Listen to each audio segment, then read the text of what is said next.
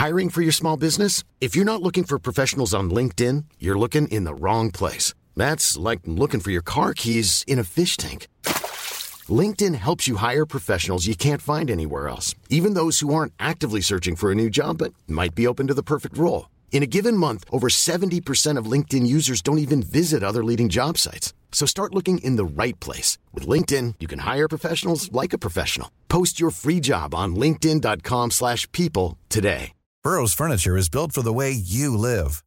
From ensuring easy assembly and disassembly to honoring highly requested new colors for their award-winning seating, they always have their customers in mind. Their modular seating is made out of durable materials to last and grow with you.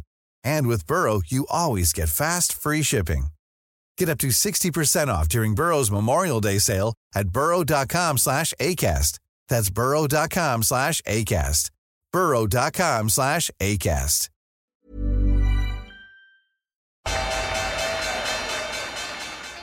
They mistook leverage for genius. Leverage for genius. I would recommend Japan.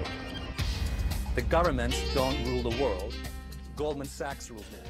Velkommen til episode nummer 166 av podkasten 'Tid er penger', en podkast med Peter Warren. Jeg heter Sverre og er produsent. Eh, I dag skal vi eh, ha en nesten to timer lang episode. Jeg vet ikke helt hvordan det ble så langt. Vi trodde vi hadde ingenting å snakke om. Um, først så tar eh, Peter og går gjennom litt markedet, hva som har skjedd i det siste. Nå um, har det jo vært eh, års, nei, halvårsavslutning og mye historisk sus over det. Litt rettelser, en god del spørsmål og svar. Mye spørsmål, eh, tematikk rundt obligasjoner akkurat for øyeblikket. Det er veldig mye nyheter som kommer nå, og vi skal gå gjennom eh, punkt for punkt. Enkelte med kommentarer, og enkelte går forbi. Men det, det er mye å henge seg opp i nå. Det er et klipp som har begynt å gå rundt på internett, og har gjort det egentlig de siste to årene, som kan være litt sånn indikativt over hvordan folk ser på verden. Snakker litt om det. Det er fra en film som heter My Dinner with Andre. Til slutt så skal vi avslutte med en liten eh, slags debatt om venturekapital. Eh, hvis du ikke abonnerer på nyhetsbrevet til Tid er penger, tiderpenger.no nyhetsbrev. Eh, vi lager en god del ekstra innhold hver uke. Det legger vi ut på Patrion, det er vår betalingstjeneste. Det kan du få tilgang til på www.patrion. Nei, sorry. tiderpenger.no patrion. Også patrion. Men du skjønner. Da tror jeg vi går i gang med episode nummer 166. Da kan vi jo Ja. OK. Start hvor du vil, du. Jeg er med. Vi har allerede starta. Ett sekund før vi trykka på record nå, så gikk SAS-pilotene i streik, og eh, vår eh, felles venn eh, Gard skrev på Twitter at eh, en slags sånn eh, dødsannonse til eh, SAS og Ja. Jeg vet ikke om de klarer å overleve det her. Nei, nå Det er jo nok helt klart veldig tøft for, for SAS.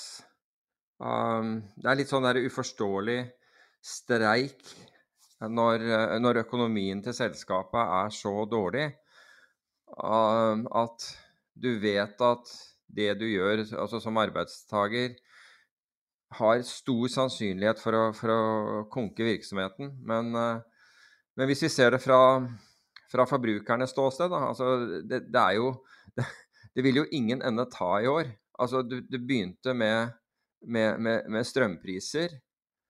Så gikk det til, eh, til drivstoffpriser generelt. Matprisene går, går gjennom taket. Man trues av en ny covid. Når du endelig skal på ferie, så, så streiker eh, flyselskapene. Altså, det, der var det vanlige folks tur.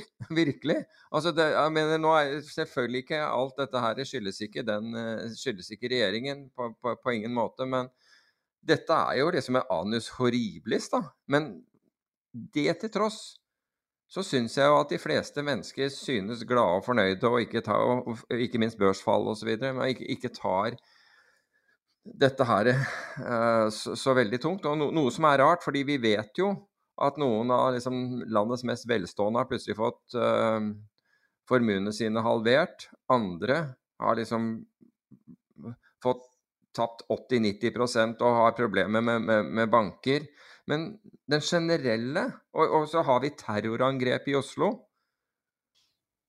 Masse Men- voldsepisoder og drap. Masse voldsepisoder. Men, men Varmerekord. det til varmerekord, det til tross, og ikke bare det, men vi har jo strømpriser som er på, på høyde med liksom Fimbulvinter-strømpriser. Og, og nå er det sommer. Vannrasjonering i Oslo. Vannrasjonering, ikke sant, og, og, og stor fare for tilgang til strøm og vann denne vinteren. Og allikevel så, så virker Krig i Ukraina. Ja. Altså, det er jo en oppramsing som du Hadde du på forhånd sagt dette, så hadde i hvert fall ingen trodd på deg. Og det er kanskje fordi det er så voldsomt at, ingen, at, at folk klarer ikke å ta det inn. Rett og slett. Men det er mye som skjer nå. Vi kommer litt tilbake til det her. Uh, vi har en illustrasjon av uh, flere sider av denne saken litt senere som uh, kanskje vi skal snakke litt om. Men før vi går det, så kan vi kanskje oppsummere litt mer sånn finansmarkedet, hva som har skjedd. Nå er det jo veldig begivenhetsrikende dager, og det har jo vært et grusomt halvår. Jeg skal innlede litt her med noen fakta. Jeg har bare sett litt på flytdataen. Sånn at siste uka så er det outflows, altså det går penger ut av både aksjer og obligasjoner, og risikoflyten når det kommer til Altså i valuta eh, tilsier lav risikoappetitt, og det er en Goldman Sachs-oppdatering. Hva er det du har sett sist siste uka? Nei, altså det Først og fremst så var det jo denne herre uh, JP Morgan-rapporten som viser seg å være fullstendig feil. Altså hvor han uh, forventer 7 oppgang pga. rebalanseringen. Men han var ikke alene om det. Vi snakket om denne her, og, og jeg var uenig i den. fordi jeg, jeg forstår ikke at, at, rebalanseringen skulle gå til aksjer. Jeg mente at den skulle gå til obligasjoner. Og det gjorde den. Den gikk til obligasjoner, helt klart. For obligasjoner gikk kraftig opp. Nå snakker jeg om statsobligasjoner, samtidig som aksjemarkedet falt.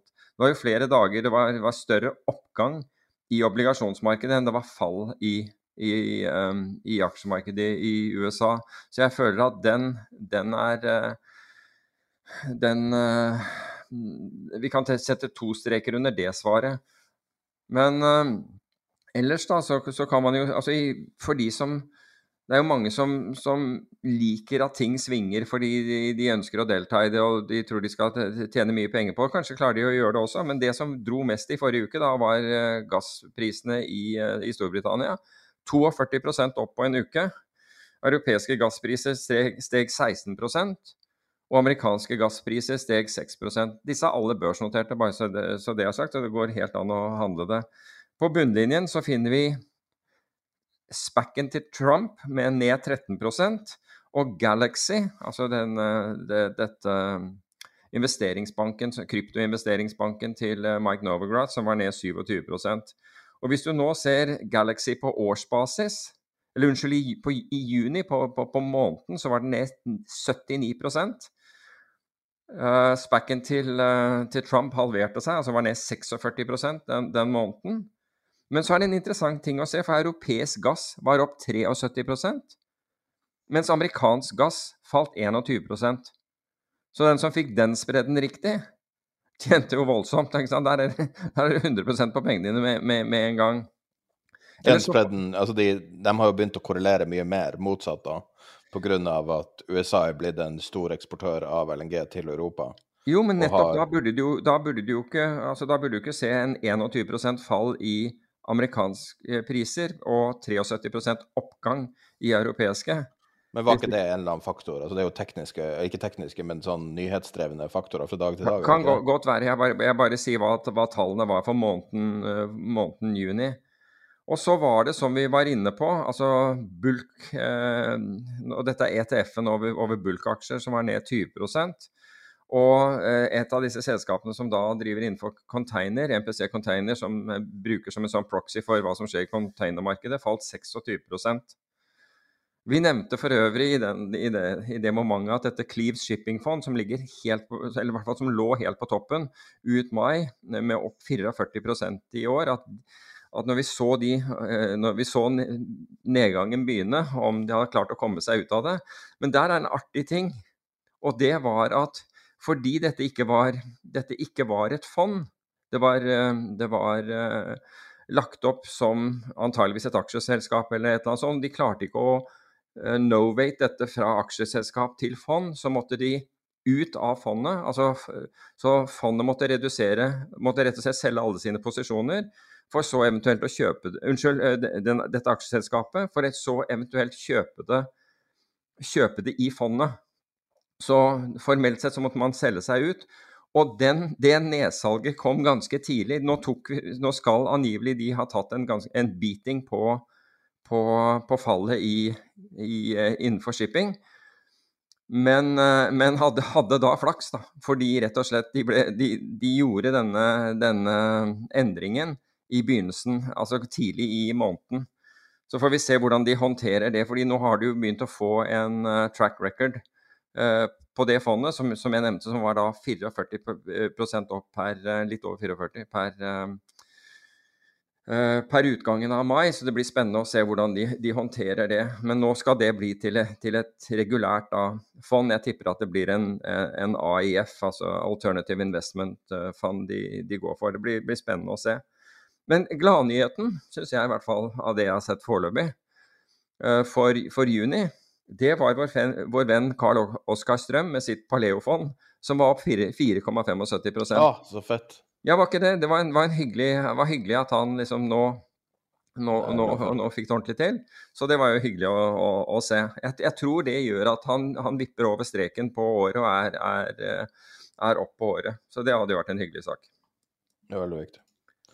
Eh, en annen sak, eh, vi snakka jo litt om historiske perspektiver rundt eh, aksjer og obligasjoner. Det er jo veldig uh, store ord som brukes om første halvår. 60-40-porteføljen, den som oljefondet bruker, hadde det nest verste ja, OK. 70-30, da, men Nei, jeg tror det er mer 80-20, men greit nok. OK. da var det. Men uh, den eh, hadde det verste første halvår, eller nest verste første halvår siden 1900, kun slått av det verste året på 30-tallet. Mm. Uh, det første negative år på 11 år, det er jo enda litt mer signifikant. Uh, det var det verste aksjehalvåret siden 1970.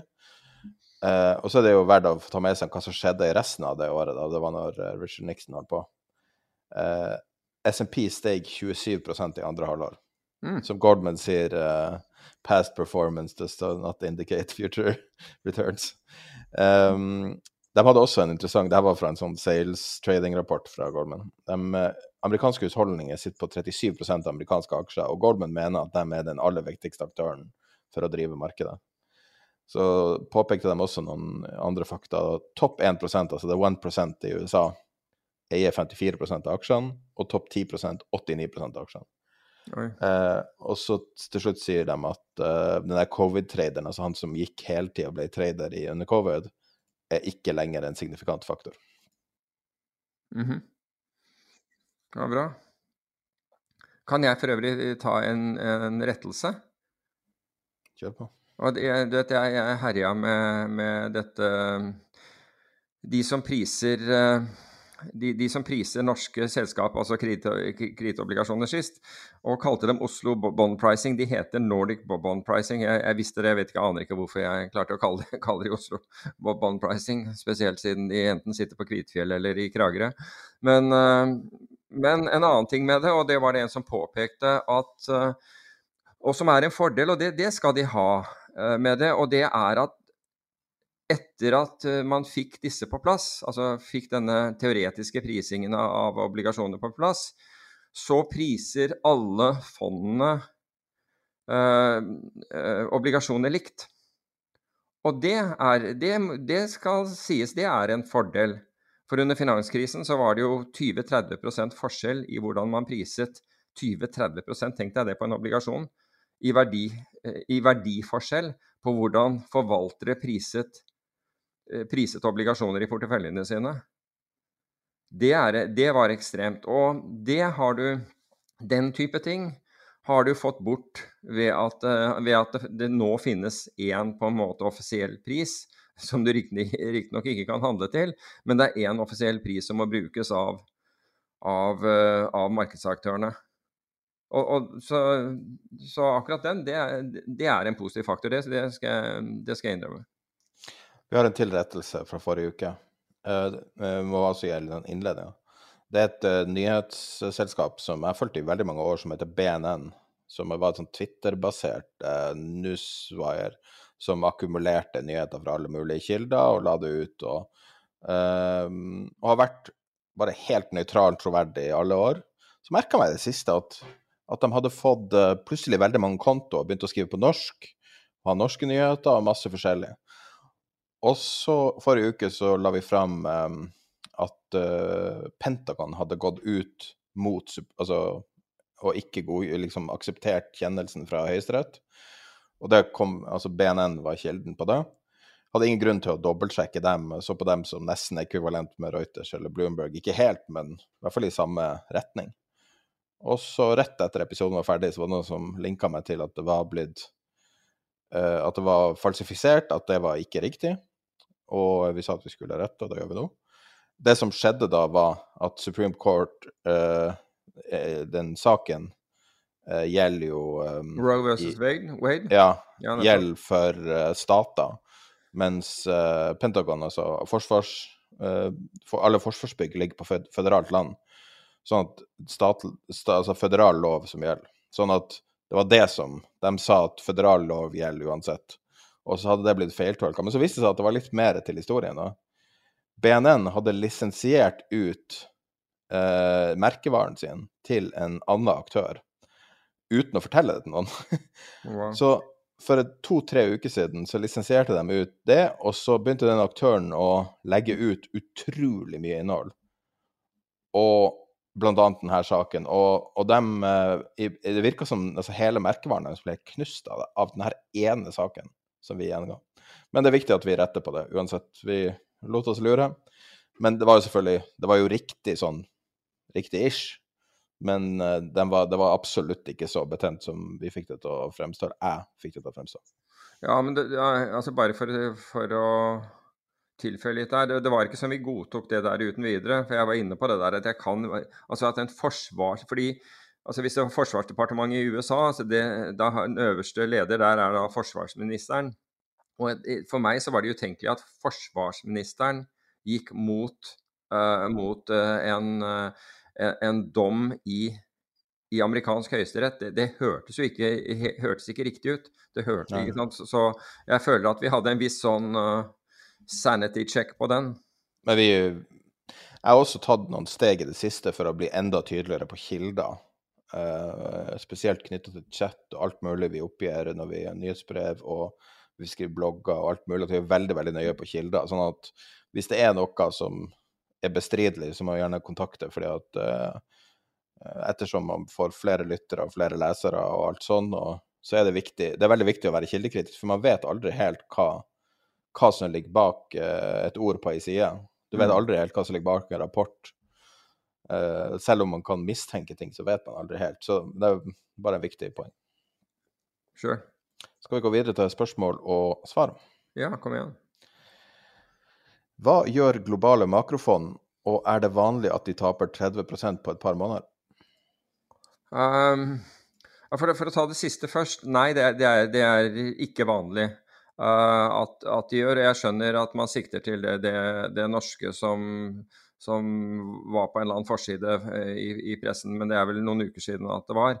Men for å ta det andre, uh, altså hva gjør globale makrofond? Altså Makrofond gjør egentlig det motsatte av, kan du si, av hva et aksjefond gjør. Et aksjefond er en mikroinvestor som vurderer selskaper, selskapets balanser, selskapets utsikter osv., og, og så kjøper man en aksje. Et makrofond gjør da, på, gjør da en makrotilnærming til markedet og ser på ting som eh, forventet renteutvikling, inflasjon, um, hvordan det går med økonomien i forskjellige områder, konsekvensen f.eks. av en krig i Ukraina.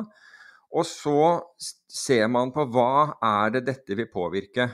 Og jeg vet, altså Årsaken til at jeg, at jeg har noe autoritet på dette området, var at jeg forvaltet et, et globalt makrofond i tolv år selv.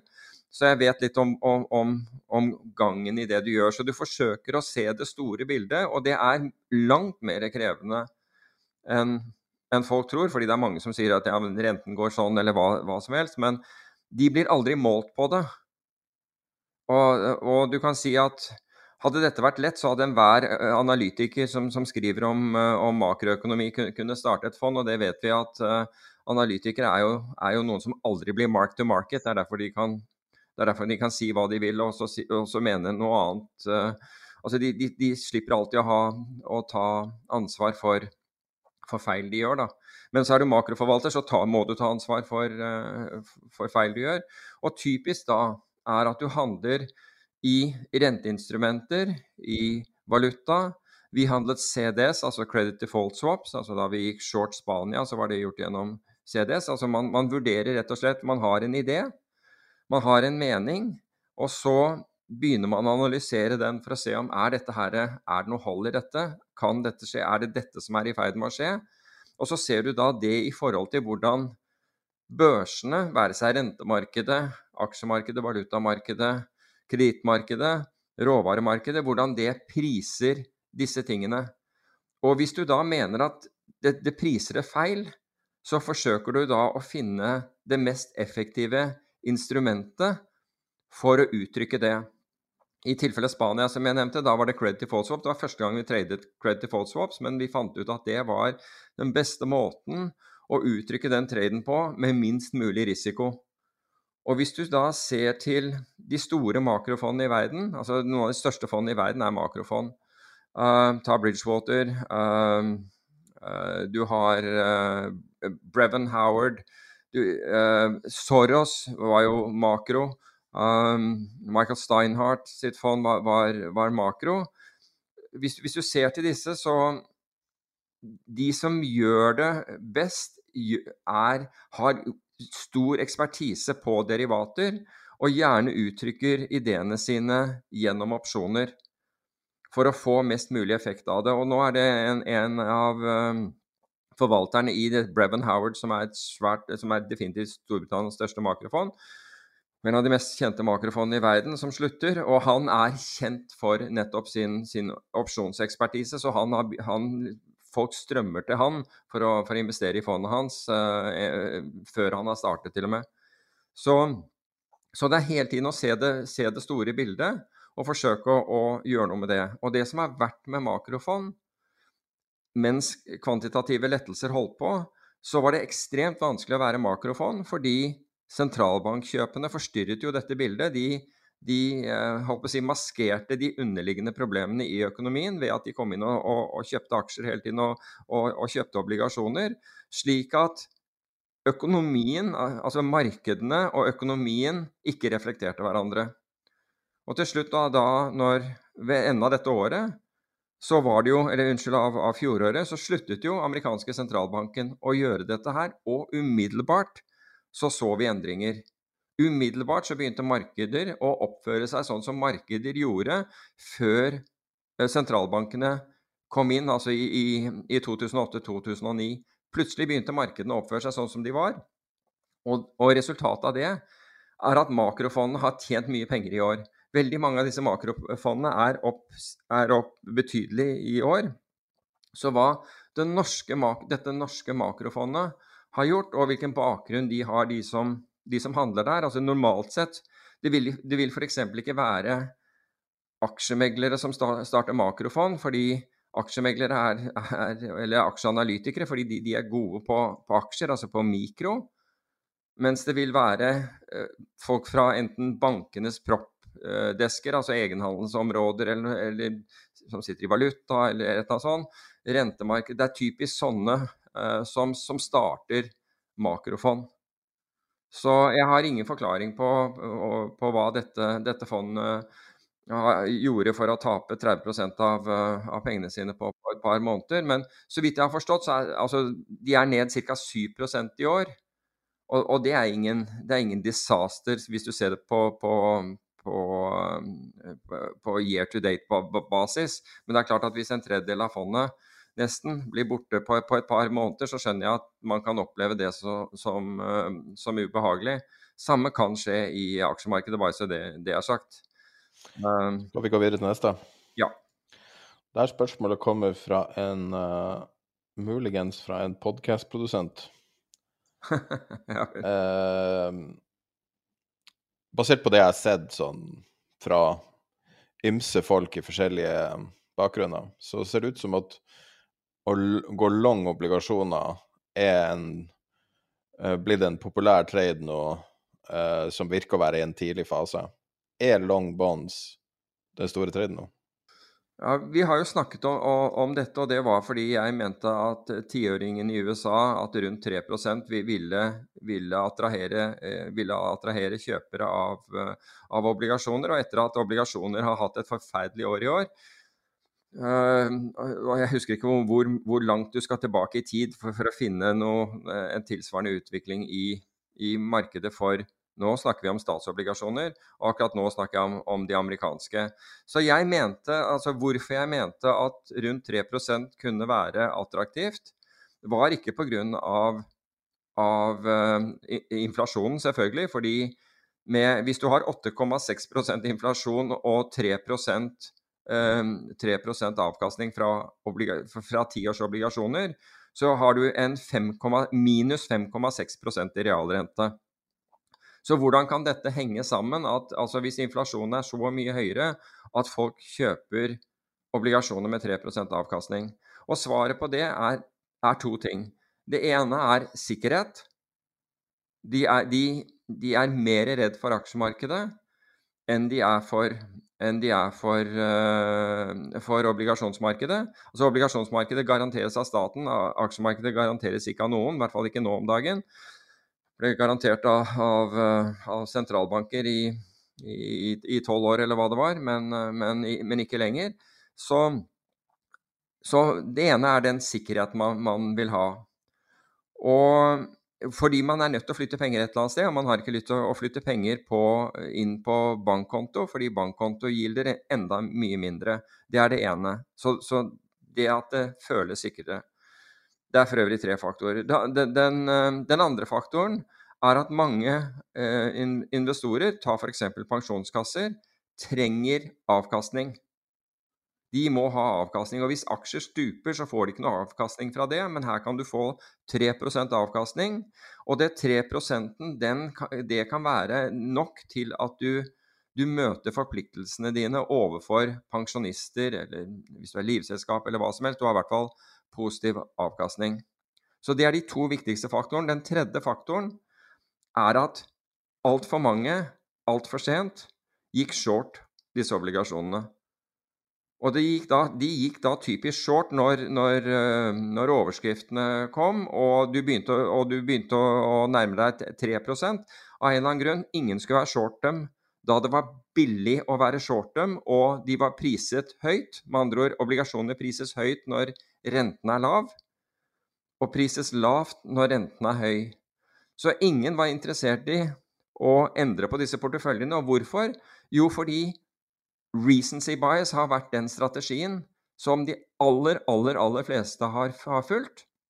Oljefondet ikke blant dem, kan komme inn på det. Men de har bare trodd at det som har virket til nå, 60-40-portefølje som du var inne på, 60% aksjer, 40% obligasjoner, det har virket i ti år nå, så selvfølgelig skal det virke videre. Og hvis du går, altså hvis du går tilbake til årsskiftet, og jeg, jeg, gjorde det og så på analytikerforventninger Da er det bare, da er det bare en, altså Til tross for at de grunnleggende, fundamentale tingene endres. Med andre ord, vi har høy inflasjon, vi har ikke sentralbanker som hjelper, og vi har høyere volatilitet.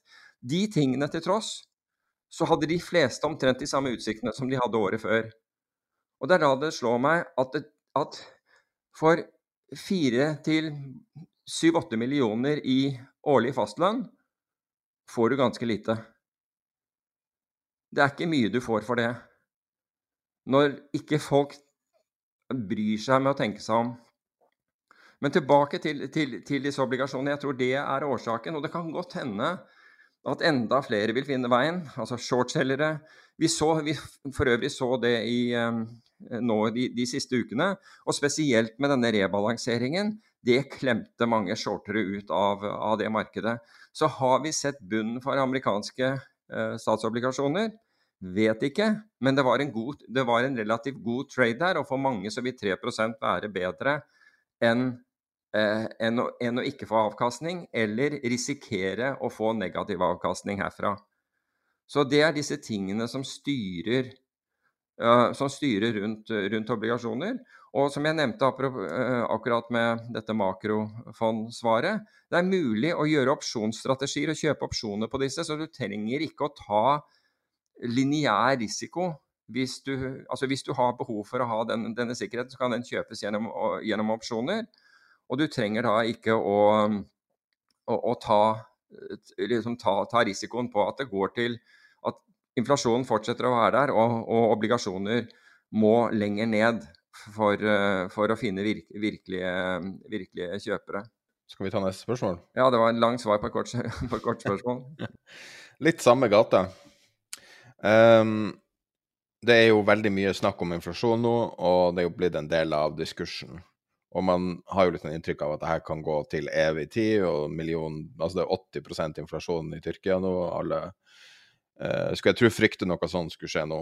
Men i Tyskland har inflasjonen vist det første tegnet på å toppe ut litt grann ned. En veldig stor komponent av inflasjonen er drivstoff, som også har tilsynelatende toppa ut til en viss grad. Ja, da må, da må, du også ta hvorfor, og det er at tyske myndigheter har gått inn og intervenert i markedet. Ja, men jeg snakker drivstoff generelt, altså. Ja, nå snakker har, jeg for Tyskland. Okay, ja, men drivstoff generelt har nådd et platå i første omgang, og så om det fortsetter til evig eh, vekst. Vi fikk en analyse i helga som ga ekko tilbake til den legendariske 100 Nei, hva var, det, hva var den Goldman-analysen på gulva? Nei, på, uh, på olje, var? 208 dollar, mente jeg de sa. Ja, for eh, JP Morgan sier 380 nå Oi, i helga. Og hvis det er én ja. ting som er sikkert, så er det at markedet har en tendens til å gjøre det samme på sånne rare ting, sånn som crazy calls. Så hvis det er tilfellet, og du ser at olje, metaller, hvete, du ser at ting har til en viss grad toppa ut, så er spørsmålet, veldig langt spørsmål, hva tror du om inflasjon? Jeg, jeg, tror det følgende om, om, inflasjon. Jeg tror norske inflasjon dessverre går, går høyere enn det vi, vi, har sett nå. Men når det gjelder, når det gjelder f.eks. USA og muligens Tyskland, så tror jeg at vi, vi, har, vi, er enten, vi, er veldig nær toppen. Enten har vi sett toppen, eller så er vi, nær toppen. Men, men og her, her er det viktige Jeg tror ikke at inflasjonen kommer til å falle som en stein herfra. Vi må se på må se, altså Når det gjelder Tyskland, så var det, så var det at man intervenerte. Det er, det er, i, i, den, i, den, forbindelse er det ganske inter, interessant å se. I, da, da, strømprisene jeg, tar, jeg, skal ikke bli gal på dette, men da strømprisene steg, så gikk Frankrike og satte et tak på, eh, på, på, på strømprisen på, en halv euro. Altså tilsvarende kilowattimer. Altså si på 50 øre per, per kilowattime. Um, spanjolene um, satte et tak på, på, på, det samme. Norge oppnevnte, oppnevnt et utvalg. Det er liksom litt, litt, av forskjellen i det. Det er noen som har handlekraft, og andre har det ikke. Og der hvor de har handlekraft, så er det godt mulig at de klarer å stoppe uh, inflasjonen. Men det underliggende her er slik at vi har ikke nok Altså med mindre vi får en voldsom reduksjon i vekst. Og det kan vi få, rett og slett pga. høye priser. Altså at vekst, veksten faller. Altså ikke voldsom, men at veksten faller. Så, vil, så er det ikke nok av enkelte råvarer. Det er ikke nok, det er ikke nok uh, fossilt uh, drivstoff. Kan, vi, kan et, vi, kan ha et problem med, med, med, med kraften. Men det kan vi komme tilbake til, eh, til etterpå. Vi har iallfall vedvarende høye kraftpriser til tross for at vi er på, på, på, i, i, på sommerhalvåret. Og de aller fleste har skrudd av alt som heter, eh, alt som heter varme. Ja, tenk deg hvis vi var på vin i, i, vinteren nå. Mat altså vi, vi har fortsatt eh, situasjonen i, i Ukraina. Og det mangler altså Vi, vi ser jo altså 12% gikk da en gjennomsnittlig handlekurv i forhold, i, ifølge Dagens Næringsliv opp den, den 1. 1. juli. Så det er ingenting som tyder på at inflasjonen skal falle kraftig. Så vi må nok være forberedt på vedvarende høyere inflasjon enn det vi er vant til. Helt klart. Så det er egentlig, eh, det er egentlig svaret mitt på, på den, hvis det var Uh, altså, og Hvis du skal nå se på har den toppet ut altså i forhold til uh, i råvarer, du sier olje, metaller, hvete osv. Der må man rett og slett se på Hittil i år så har det vært mulig å handle bredt i råvarer, kjøpe råvareindekser og være godt hedget. Og de er kraftig opp i år fortsatt, bare så det er sagt. Men, men det har gjort at mye penger har flommet inn til, til, uh, i, i, den sektoren. Herfra så vil det være, etter min oppfatning, vanskeligere, fordi nå må man se på de aktuelle råvarene, sånn som f.eks. Vi, vi snakket om olje, hvete, gass osv. Vi må man se på de aktuelle råvarene. Se på f.eks. forward-kurven på, på, strøm, også her, og, men i, i, i, i, Tyskland, altså kraftpriser eh, for neste år, de fortsetter å stige. Så markedene ser at det er det vi kaller tightness, altså at det er eh, lite, lite tilbud. Det forventes fortsatt lite tilbud. Og det gjør at, at at eh, en, en, en, i hvert fall en god eh, andel av, av, disse råvarene kommer til å være høyt priset. Da foreslår jeg at vi går gjennom litt uh, nyhetspunkter. Vi prøver jo på en måte å få vi har jo et sånn, Det er jo så mye som skjer nå, så det er liksom viktig å kunne touche innom ting litt fortere. Uh, både ting som har dukka opp, og ting som er reelle nyheter. Så hva du sier, skal vi gå gjennom da?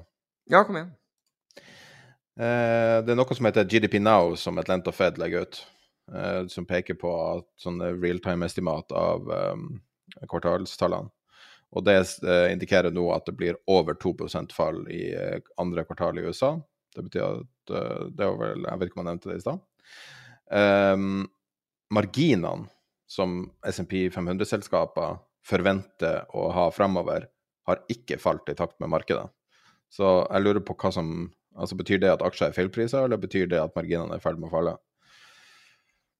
Nei, altså, det, de, det, som er problemet, er jo at analytikerne ikke har nedjustert estimatene med, med realitetene. Og, når, altså, og, det kan du gjøre i, til tider ganske lenge. Men på et eller annet tidspunkt så, så må bedriftene legge frem uh, reelle resultater. Og da er ikke, er ikke estimatene lenger som, uh, som, gjelder. Så du kan si at det er fortsatt priset inn betydelig dette er, dette er en annen måte å se det på, det, å se akkurat det du, du, sier på. Det er fortsatt priset inn betydelig optimisme i, i aksjeverdiene. I forrige uke så uh, begynte en uh, litt sånn cascading effekt å skje i kryptomarkedet, ser det ut som. Så kryptofondet, jeg tror det er det største kryptofondet, Three Arrows Capital, misligholdt et lån på om lag 6 milliarder kroner.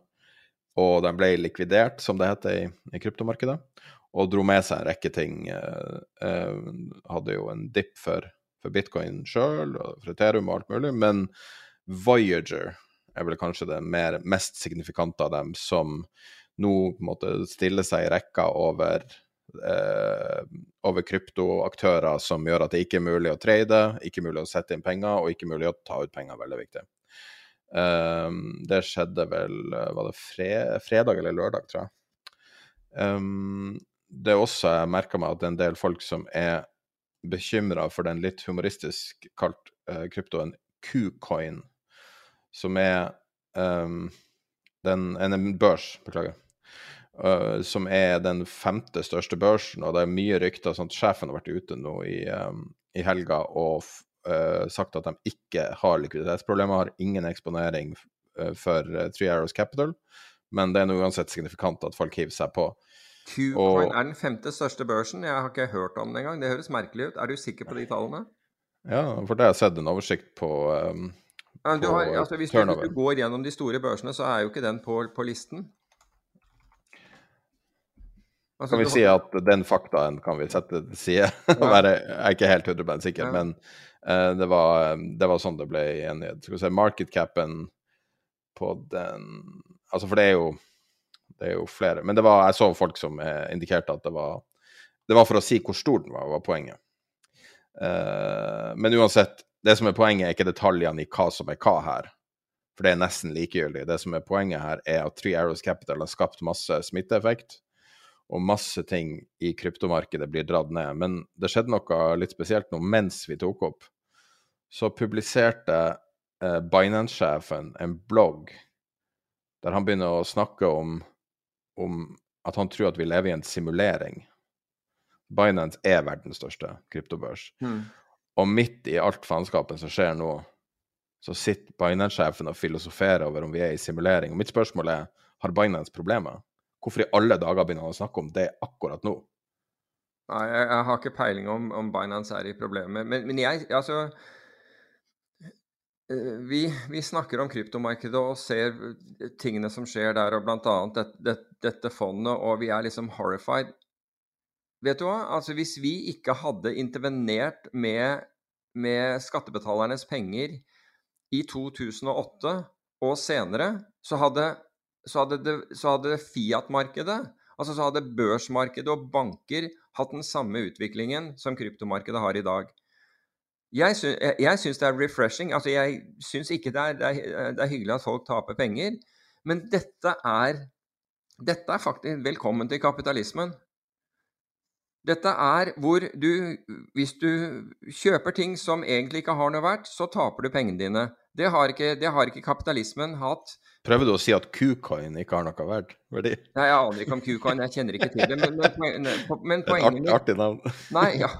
ja det er altså Ta Si det fort tre ganger. Dogecoin og shitcoin og alt dette her. Men, men poenget mitt er at at dette her er hvordan, hvordan, det virket før i tiden. Da virket hele markedet sånn. Men så måtte man inn og redde banker, og så skulle man redde finansinstitusjoner, og i Norge skulle vi redde hoteller, og vi skulle redde andre. Vi, vi går inn og redder de som tar ekstrem risiko, og så blir det skattebetalernes som må, må betale for det. I krypto så kommer ikke susende noen skattebetalerpenger. Det kommer ikke noen noe sentralbanker for, for å redde. Det går som det går. Jeg er helt enig. Det er det beste med krypto. Det er at det, det fins ingen lender of last resort. Helt riktig. Og så ser du at han Anna enn eh, FTX, da. Ja, så, ja så, jo, men altså, det, er jo, det, er jo, helt OK. At han bruker ikke skattebetalernes penger. Bankman Fried han bruker egne penger på å kjøpe de tingene som han mener har en, en verdi, til en brøkdel av den prisen de hadde. Men jeg skjønte ikke helt makta til han og makta til Tedder. og Helt til han eh, eh, Knut Erik, som vi hadde som gjest på Patrion for et par uker siden, mm. forklarte størrelsesorden i det de holder på med. Og han er jo helt tydelig på at det her blir en konsolidering. Ja, og det, det, har jeg jo sagt helt fra starten av. Altså når, når det dukker opp kryptobørser overalt altså Du vet jo, dette er jo som valutamarked, ikke sant, alle mulige, men i realiteten så er det to plattformer, ikke sant, to virkelige plattformer for valuta. Alt annet er skyggeplattformer. Alt annet er skygge av disse to. Det er EBS og det er Reuter. Alt annet er egentlig skyggemarkeder av disse to. Men tror du, tror du vi lever i simulering? Man kan jo lure av og til når man ser det.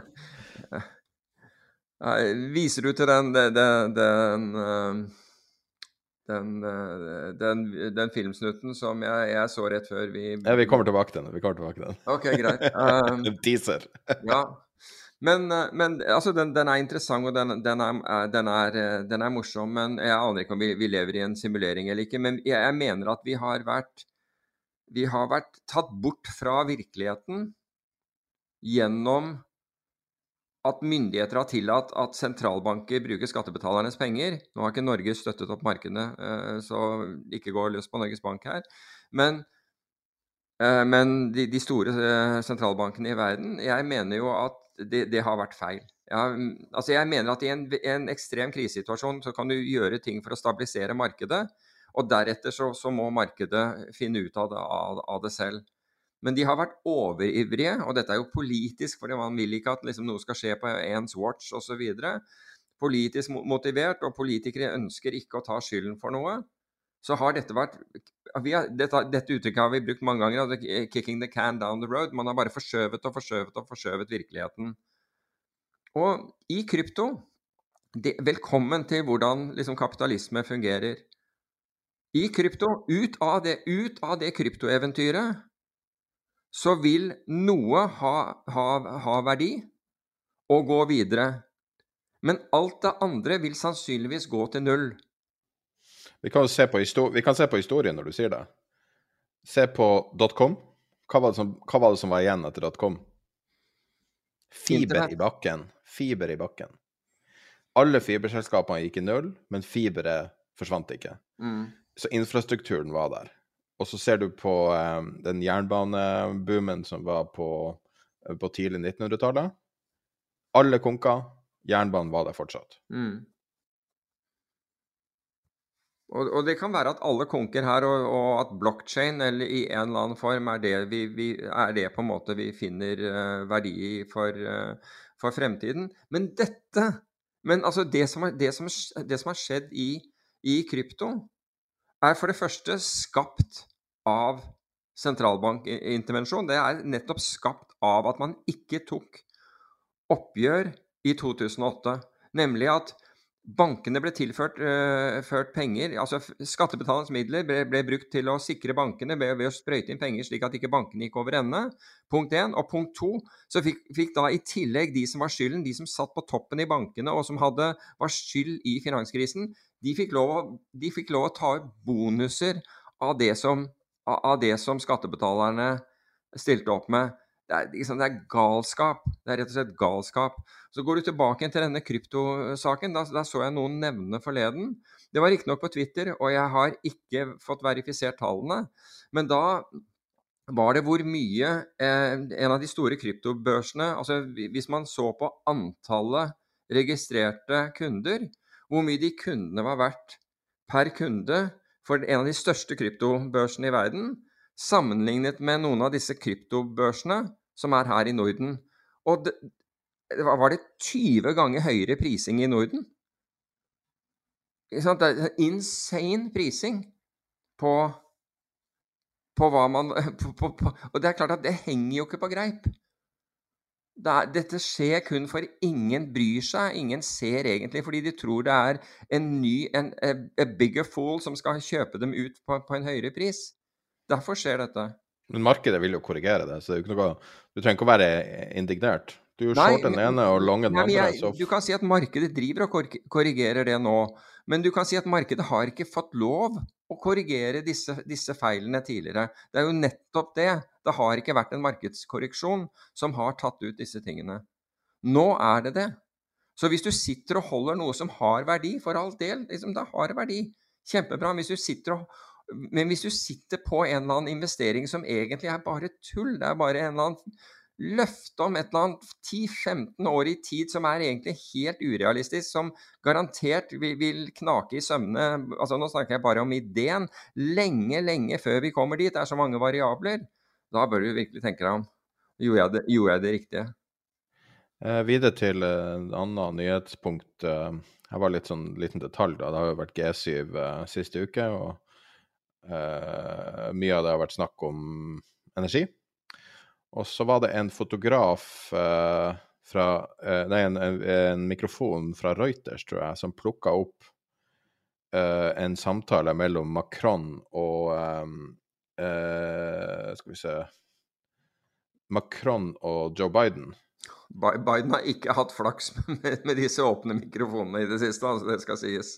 Og eh, det Macron sier, er at han hadde snakka med eh, sjeik Mohammed bin Sayed, eh, som er eh, kronprinsen i eh, UAE, Forente arabiske emirater. Og han, han sier He told me two things. I am at the maximum, maximum production capacity. That is what he claims. And then he said Saudis can increase by 150,000 barrels per day, maybe a little bit more if they don't have huge capacities. Så da er jo mitt spørsmål til det her er Var den egentlig en mikrofon de ikke visste var der, eller var det her et her signal å sende til Saudi og dumme Saudi ut? Det er vanskelig å vite. Det er vanskelig å vite. Altså, jeg ville heller spurt liksom, Torbjørn Kjus eller uh, Tor, Tor Svelland om, uh, om dette. Jeg, jeg, vet ikke, men det jeg ser, er jo at man bygger nå ut uh, produksjonskapasitet for fossilt drivstoff. Um, og det virker som man gjør det så fort man kan, og at, at det skjer nå på altså Naturlig nok vil det vel skje på bekostning av, av det grønne skiftet, men nå er det snakk om overlevelse som er, i, uh, som er, i, som er top of mind. Så du den auksjonen uh, USA hadde i forrige uke, den syvåringen? Ja. Var ikke spesielt god. Nei. Og det er jo altså det at USA har et hint Man kan ikke si at det var ikke en katastrofe sånn som den, den som var for et år siden, eller hva det var, men, men uh, det at de har litt problemer med å hente penger, litt problemer med etterspørselen, er jo ikke helt sånn optimalt. Nei, men jeg føler jo liksom at båndmarkedet klarer å, å, å si, klarerer seg selv for tiden. Så det er liksom ikke Og spesielt fordi de altså det går etter min oppfatning har helt klart gått penger fra aksjer til, til obligasjoner. så det er jo en altså hvis, hvis, det ikke er etterspørsel på høyere kurser, så er det noe, er det noe galt med prismekani... Uh, unnskyld, lavere kurser, høyere rente. Så er det noe galt med prismekanismen. Eller det vil si at da, da må jo i, i, så fall prisene ned og, og gilden, altså renten, opp for å klarere et nytt nivå. Fordi ikke, jeg tror ikke at vi har kommet så langt enda at noen har trukket USAs kredittverdighet i tvil. Uh, men det kan jo være at det er noe galt. Jeg har sett en uh, tidligere forvalter på Twitter som skrev at venner av han som fortsatt jobber i bransjen, sier at det er veldig, veldig, veldig grunn uh, likviditet. Og at når det kommer til kreditt generelt, altså obligasjoner, så er det umulig å gjøre noe i størrelser. Ja, det tror jeg er riktig. Men det, dette er det, det, er det vi har påpekt altså Jeg vet ikke hvor lenge vi har drevet og snakket om, om, uh, om reduksjon i, i, i, i, markedsstrukturen. Altså i, hvor mye du kan handle, og at dette var et problem som disaster waiting to happen, rett og slett. Og det, dette er regulering som har gjort i første omgang. Det er ren regulering. Dette er myndigheter som står bak, og som har svekket at markedene eh, fungerer så godt som de, som de kunne ha gjort. Så uh, igjen, dette er, dette er ikke noe som dette, dette, er ikke en nyhet. Dette er noe alle har vært klar over. Vi så det ekstremt i covid, bl.a. Så du den nye traden til Jim Chanos? Nei, hva var den? Den er interessant. Den okay. likte jeg. Uh, er jo en legende på shortsida. Uh, han vil uh, Det står i Financial Times. Uh, han vil shorte legacy datasenter. Det vil si dem som eier datasenter som ikke er tilknytta store merkevarer, f.eks. For altså, fordi at det som skjer nå i datasenterspacet, noe som interesserer meg personlig, er at datasenter går fra å være noe som på en måte egentlig hvem som helst kan drive, og så leier man ut litt rekk her og der og sånn går mot mer og mer sentraliserte cloud-systemer. At du har eh, liksom eh, the three horsemen of the abyss som kommer inn og, og tar alt, og de her legacy-playerne vil få problemer over tid. Jeg syns det var en veldig intelligent uh, trade.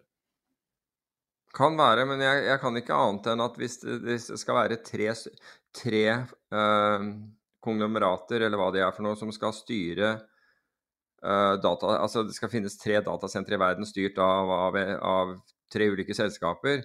Så kan jeg ikke annet enn, enn å, å, føle en, en, mer enn en, en gjennomsnittsgrad av sårbarhet i forhold til det. Å ja, ja, men det er jo mye det er marked, altså Internett generelt er jo blitt mer ustabilt. Jo, altså ikke bare internett er mer ustabilt, men rett og slett at, at noen altså, hvis, På grunn av den faktoren du påpeker? Ok. Ok, Men hvis en tredjedel av, verdens informasjon befinner seg i, et, i en, en, en cloud datasenter, og noe skulle ryke uklart med den, eller den skulle altså, finne på å, å endre sine policies, eller altså, Det høres ut som noe vi altså, det, det, det, høres ut som hva Tyskland gjorde da de gjorde 40 av, av sin energi avhengig av Russland. Men det er det som skjer nå. Har, alle de tingene du sier, har allerede skjedd. Da bør vi virkelig sette oss AWS ja. Google Cloud, Microsoft Asher, de tre store. Og så er det enkelte playere som er store også. Eh, men det er eh, store deler av internett. Og så har du i tillegg så har du masse sårbarheter på andre typer dynamikker, sånn som eh, sånn Edge DNS og sånne type ting som, som enkelte aktører. Men Cloudflare f.eks. er jo også en utsagt aktør men det som er også spesielt, er jo at de her aktørene tar stilling til ting som politikk, f.eks. Sånn at uh, de, begynner, de, begynner, å moderere. Og ettersom at Jeff Bezos nå er blitt aktiv i den politiske debatten i USA, ganske aktiv på Twitter, og ligger i regelmessig ordkrig med um, Biden, så er det jo verdt å tenke på hvor mye reell makt han faktisk har. Ja, altså jeg ser sikkerhetspolitiske utfordringer og geopolitiske utfordringer ved, det. Og det ville være helt utrolig hvis vi klarer å gå inn i en ny sånn uh, Kall det Det er jo ikke en felle, fordi det er en ren policy mistake. det, det, det, var jo, det, var jo, ganske betimelig at vi tok opp disse policy-mistakene i, uh, i, i, forrige uke. For nå ser du at dette her Nå ser du flere aviser skrive om akkurat det samme. Så, jeg, ja. Og, og, dette vil i tilfelle være enda en, etter min oppfatning. Uh, vi har jo snakka mye om reverse repo, som er for uansett om du hvordan nivå du er i finans, så tror jeg alle har litt forskjellige oppfatninger av akkurat hva reverse repo er. Det er litt sånn det er litt mystisk instrument sammenlignet med veldig mye annet, eller mystisk operasjon. Jeg tror 85 Men, i finans ikke engang bryr seg om å prøve å forstå det. Uh, her er en enkel måte å se på det, da. Kom igjen. Uh, Zero Hedge hadde en, uh, på fredag en artikkel som var synes jeg var en fin oversikt over det. Og det var enkelt at Uh, in fact, for a handful of happy, mostly anonymous counterparties, the real free money bonanza has just begun. Um, og sier at det genererer uh, daglig 100 millioner dollar i helt risikofrie penger. Det er en veldig enkel måte å se på det. Det er ca. 92 counterparties til enhver tid.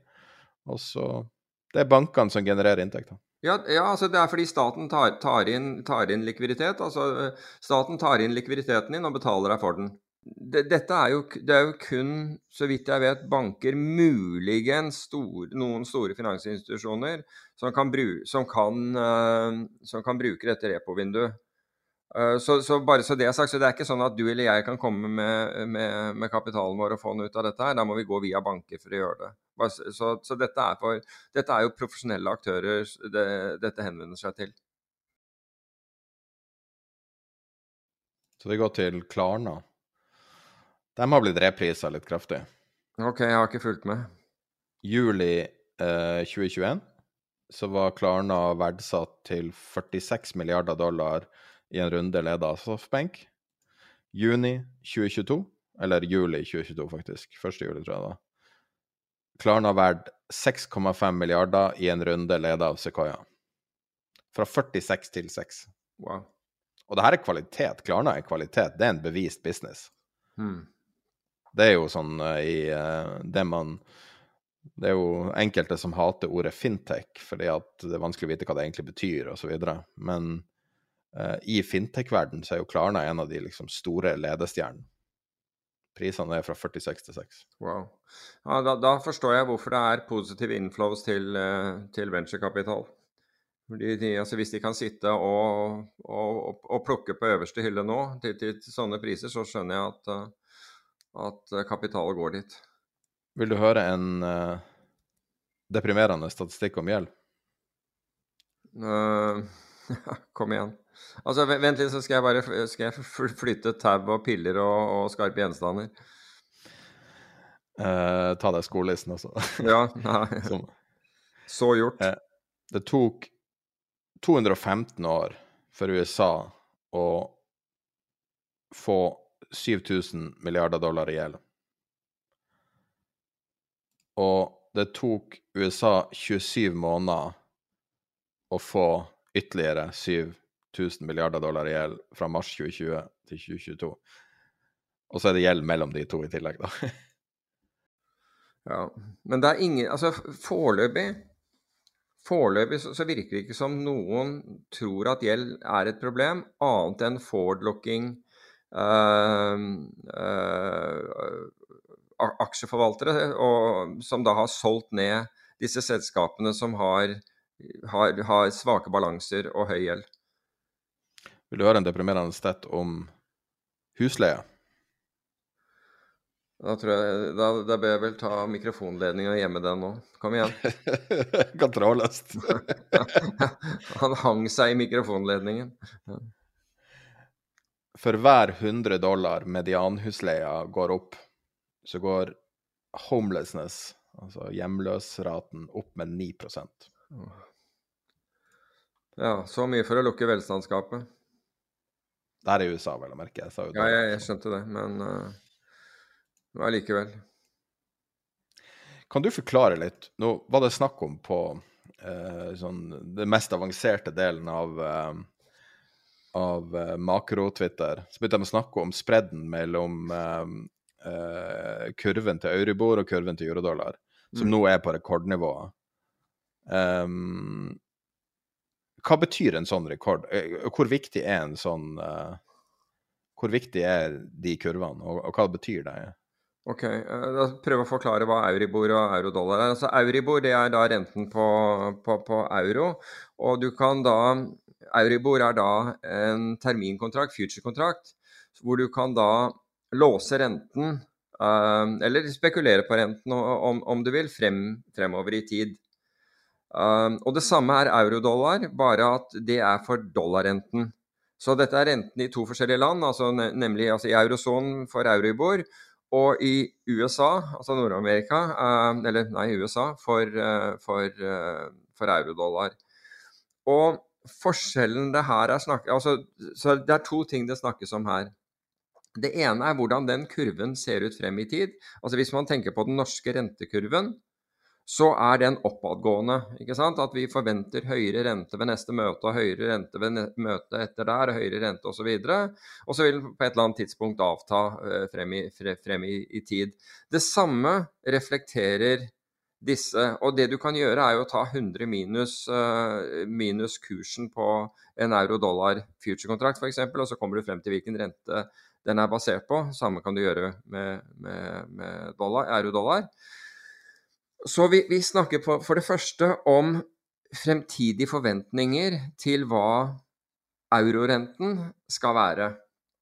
Og Vi vet jo nå at Den eh, europeiske sentralbank den var jo en av de seneste til å reagere. Og Det var derfor det var veldig gunstig, hvor du kunne shorte tiårs eh, tyske eh, statsobligasjoner, som vi hadde, vi hadde, på for et halvt år siden, og få betalt for det fordi den hadde negativ rente. Så du fikk betalt 46 eh, altså punkter rentepunkter i, for å gjøre det. Altså nesten en halv prosent fikk du betalt i året for å ligge short. Så Euribor-kurven da, Euribor-kurven um, viser da aktørenes forventninger til renten i tiden fremover. Og disse aktørene det er igjen store makrofond, det er banker, det, det kan også være sentralbanker med i, i bildet her. Men det er ikke det er ikke småsparere som regel. Småsparere kan, kan delta og handle der, men det er ikke de som bestemmer for å si det på den måten, hvordan den kurven ser ut. Det som nå, og som du antageligvis nå sikter til, det er den forskjellen i utviklingen mellom disse to kurvene. For euro-dollar-kurven indikerer at, at, vi begynner å nærme oss, eller det er et stykke til igjen, rentetoppen, for at, at den så vil begynne å falle neste år. Mens Euribor-kurven gjør det motsatte. Og det, det, henger sammen med at amerikanerne er lenger frem på kurven. De begynte å øke rentene eh, tidligere.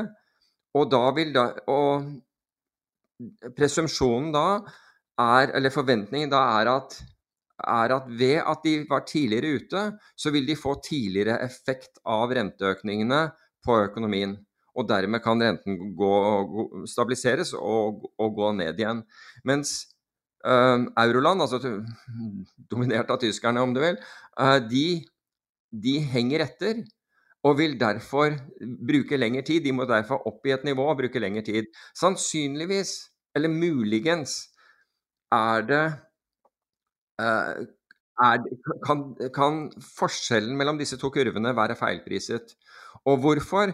Jo, fordi hvis USA oppnår det de vil, nemlig at inflasjonen sakker av og begynner å falle, og behovet for høye renter reverseres til at det er et behov for lavere renter igjen Hvis det skjer, så vil antageligvis den effekten som Dette er jo da effekter som er, ligger i den amerikanske økonomien.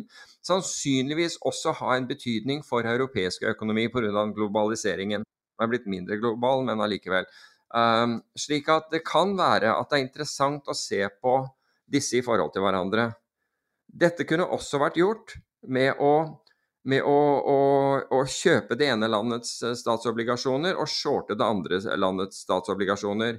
Men hvorfor du heller gjør det i futures, er at hvis du gjør det med, altså hvor du fysisk kjøper obligasjoner, så har du betydelig valutarisiko i tillegg. For der betaler du 100 ikke sant, for å eie en, en, obligasjon, og du må stille veldig mye for å, for å shorte en obligasjon. Hvis du isteden gjør det gjennom future-kontrakter, så handler du på margin. Slik at da risikerer du egentlig mye mindre altså av, av, av, pengene dine. Så Derfor så kan det være interessant å gjøre dette gjennom future-kontrakter fremfor å gjøre det i, gjennom, gjennom, obligasjoner direkte. Men dette er ikke noe som, som den jevne Altså, De fleste av våre lyttere tror jeg ikke tenker For det første tror jeg ikke de fleste av våre lyttere handler rentefutures i utgangspunktet. Burde ha gjort det, for det har vært fantastiske muligheter der, uh, der i, i, år. Det har jo vært noe av det noe av, det, er, er derfor makrofondet har, har, tjent så, så ja, med unntak av det norske, har tjent så mye. Um, og hvis du begynner å snakke nå om å gjøre i tillegg begynne å gjøre uh, spreadhandler mellom amerikanske rentefutures og, og, og, og euro, Euribor, uh, så, er det, så, er det, å ta det opp enda et mer avansert steg. I tillegg så vil du måtte stille sikkerhet. Du ikke, altså Hvis du er long den ene og short den andre, så er ikke det på samme børs, så du får ikke så du får ikke brukt uh, den ene som sikkerhet for den andre. Du må stille margin begge, begge steder. Den ene vil være på Aurex, den andre vil være på Chicago Mercantile i, i, uh, i USA, bare så det er sagt. Da, der dekket jeg mye i et svar, gitt. Ja. Eh, da er vi ferdig med å gå gjennom punktene. nyheter. Det, det, her er i praksis en kortere utgave av uh, nyhetsbrevet. Nyhetsbrevet sendes ut etter episoden tiderpenger.no. nyhetsbrev hvis du ikke abonnerer på det. Um, jeg har lyst til å spille et klipp til deg, Peter, igjen, som jeg spilte deg før, um, før vi starta. Og så tenkte jeg vi skulle snakke bitte litt om det. Det er litt interessant. Well, why, why do you think that is? I mean, why is that? I mean, is it just because people are, are lazy today or they're bored? I mean, are we just like bored, spoiled children who've just been lying in the bathtub all day, just playing with their plastic duck, and now they're just thinking, well, what can I do? Okay, yes. We're bored. We're all bored now. But has it ever occurred to you, Wally, that the process that creates this boredom that we see in the world now may very well be a self perpetuating, unconscious form of brainwashing created by a world totalitarian government based on money? And that all of this is much more dangerous than one thinks? And it's not just a question of individual survival, Wally, but that somebody who's bored is asleep, and somebody who's asleep will not say no? See, I keep meeting these people. I mean, uh, just a few days ago, I met this man whom I greatly admire. He's a Swedish physicist, Gustav Bjornstrand, and he told me that he no longer watches television, he doesn't read newspapers, and he doesn't read magazines. He's completely cut them out of his life because he really does feel that we're living in some kind of Orwellian nightmare now, and that everything that you hear now contributes to turning you into a robot. And when I was at Findhorn, I met this extraordinary English tree expert who had devoted his life to saving trees. Just got back from Washington, lobbying to save the redwoods. He's 84 years old. He always travels with a backpack because he never knows where he's going to be tomorrow. And when I met him at Findhorn, he said to me, Where are you from? And I said, New York. He said, Ah, New York. Yes, that's a very interesting place. Do you know a lot of New Yorkers who keep talking about the fact that they want to leave but never do? And I said, Oh, yes. And he said, Why do you think they don't leave? I gave him different banal theories. He said, Oh, I don't think it's that way at all. He said, I think that New York is the new model for the new concentration camp, where the camp has been built by the inmates themselves, and the inmates are the guards, and they have this pride in this thing they've built. They've built their own prison, and so they exist in a state of schizophrenia, where they are both guards and prisoners, and as a result, they no longer have, having been lobotomized, the capacity to leave the prison they've made or to even see it as a prison. And then he went into his pocket and he took out a seed for a tree and he said, This is a pine tree. He put it in my hand and he said, Escape before it's too late. See, actually, for two or three years now, Chiquita and I have had this very unpleasant feeling that we really should get out. And we really feel like Jews in Germany in the late 30s. Get out of here. Of course, the problem is where to go, because it seems quite obvious that the whole world is going in the same direction. See, I think it's quite possible that the 1960s represented the last burst of the human being before he was extinguished. And that this is the beginning of the rest of the future now. That from now on, there'll simply be all these robots walking around, feeling nothing, thinking nothing. And there'll be nobody left almost to remind them that there once was a species called a human being with feelings and thoughts and that history and memory are right now being erased, and soon nobody will really remember that life existed on the planet. Ja. Det var et klipp som virker å være litt i tiden nå. Fordi at det blir delt mye. Så jeg har sett det uh, i en uh, mod moderert, moderat delt mer og mer siden 2020. Uh, og det er et klipp fra filmen 'My Dinner with Andre', som er en uh, ganske gammel film, men som tydeligvis resonnerer med nåtida. Hva du syns om det de snakker om? Jo, altså, det, jeg ser relevansen, jeg skjønner hva du mener, og jeg må jo smile av det også, fordi det er jo uh, Jeg føler jo at det er grader av, av sannhet her. Og du kan, du kan implementere det som, uh, det som sies i, de, i, den, i den dialogen, eller det er nærmest en monolog akkurat der. men du kan, du, kan det på, du kan bruke det på eiendomsmarkedet i Oslo. Så enkelt. For, fordi der, der, har du alle altså det, man, man, man, kan bare flytte ut. Man kan bryte den onde sirkelen med stadig høyere eiendomspriser og, og, og vanskeligere tilgang på, på boliger. Boliger med rett og slett bare flytte ut og si at jeg melder meg ut av det der. Viktigheten av å bo i Oslo er, er i mitt eget hode. Hvis jeg, hvis jeg, hvis jeg visker ut det, det, det den begrensningen, hvis jeg ikke tar hensyn til den begrensningen, men tar isteden hensyn til min egen livskvalitet og muligheter som finnes andre steder, og ikke akkurat vil ha liksom, gå i akkurat det gatebildet, akkurat den kafeen og alt mulig sånn, jeg, for det, det, koster meg veldig mye penger. Da kunne jeg egentlig flytte eh, altså hvor som helst. Jeg kunne velge fra altså Hvis du i dag har, eh, har eiendom i, i Oslo, så kan, du, så kan, du, fritt velge på øverste hylle alle andre steder. Nei, så, så jeg, jeg, så den litt på den, den måten. Altså, vi binder oss til vi, Dette er jo noe som er i vårt eget hode. Det er jo det å Og delvis blir dette her Blir vi påført dette av, av mediene også? Og slik at det blir, det blir laget en det er, jo, det er, jo, helt riktig. Altså, det, blir laget, altså, det blir laget en virkelighet. Og så kjøper vi oss inn i den virkeligheten, og så, så bor vi og forholder oss til den virkeligheten. Men det er bare det er bare én av mange virkeligheter. Vi tror det er virkeligheten. Men det er, men det er jo ikke sånn. For de som bor helt andre steder, Kristiansand, Kragerø, som ble nevnt sist, uh, eller, eller, eller, andre steder, de er kjempefornøyde mennesker. De har tilgang til, til det de ønsker. De har en livskvalitet som som de ønsker. De ikke for dem er det ikke noe must å bo i Oslo. Interessant at du tar det til eiendom. Ja, fordi, fordi jeg tror at alle fortolker det ut fra sitt spekter. Ja, det tror, det tror, jeg også. Det, det tror så, jeg også. Så du øyeblikkelig tenker Oslo-eiendom, jeg vil ut. Intuitivt. Altså, ikke da jeg sier du vil ut, men det er det du tar ut fra? Ja, for, ja fordi jeg, jeg, føler jo at det er veldig mye det det, det, det snakkes om når når, når, man, når, det, når, det, kommer opp, og nå kommer det opp stadig oftere at noen Dette med prisene og hvor dyrt det er blitt å bo i byen, og det er parkering, og det er vanskelig Alt er vanskelig. Alt føles vanskelig. Men så allikevel er man der fordi, man, fordi det er ålreit med den kinoen over gaten eller den borti der og, og det sånn. Men det er jo bare et rammeverk vi har laget for oss selv. Og, og hvis vi kunne fri oss fra det rammeverket et øyeblikk, og se ting med litt andre øyne. Altså, det, det, er jo interessant fordi man ser jo flukt fra Oslo bl.a. til, eh, til uh, Drammen.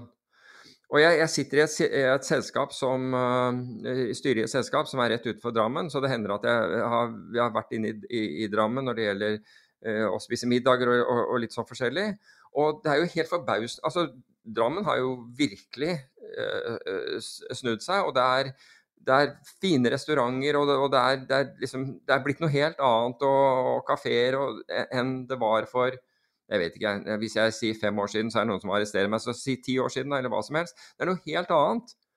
Og når du kjører igjen, så er det, noe, det er helt annet. Og det er hoteller, og det er, liksom, det er en buzzling liv der. Men vi tror at alt det der er Oslo. Er jo ikke det, vet du. Det er jo ikke det. Når, når du kommer ut eh, altså, så tenker du jøss, det her var det koselig. Og det kan være at eh, både når det gjelder restauranter og kafeer, og tenker at wow, det her var veldig koselig. Ordentlig bra. Ante ikke, ante ikke at de hadde noe sånt her. Det er jo den derre gjenganger eh, gjengangerkommentaren du hører. Ante ikke at de hadde noe sånt. Denne byen hadde det. Så, så grunnen til at jeg, at jeg gravde opp det her klippet, var egentlig bare for å legge det med i nyhetsbrevet. fordi at jeg har sett det her delt på enkelte sosiale medier, og sett at det har akselerert i det siste. Fordi at man skulle tro at folk er litt sånn fortvilte og oppgitt og, og føler at, liksom, at alt går til helvete.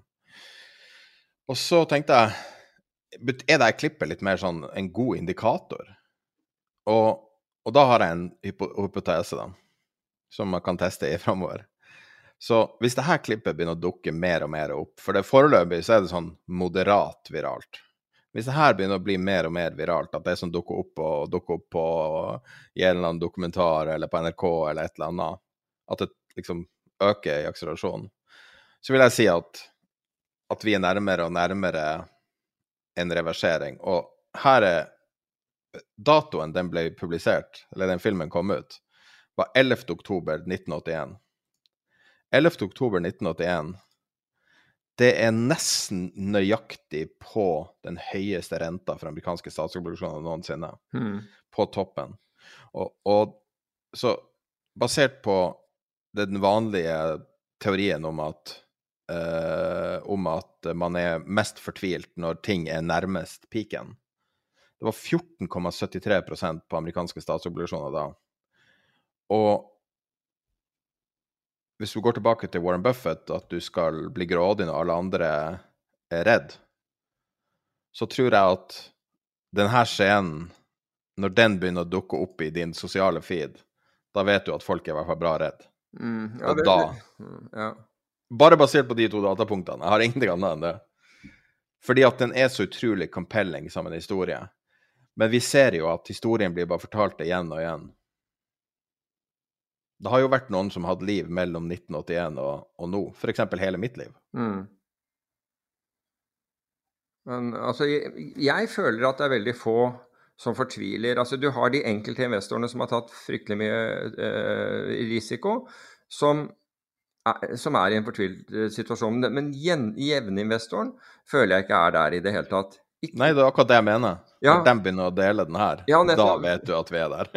Fordi at, altså, Alt det her er basert på det du sa før vi starta, for jeg spurte deg når vil du eksplisitt anbefale folk å kjøpe SPI, f.eks.?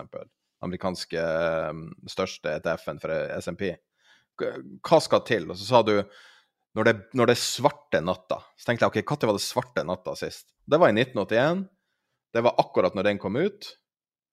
Og den er begynt å bli populær igjen nå.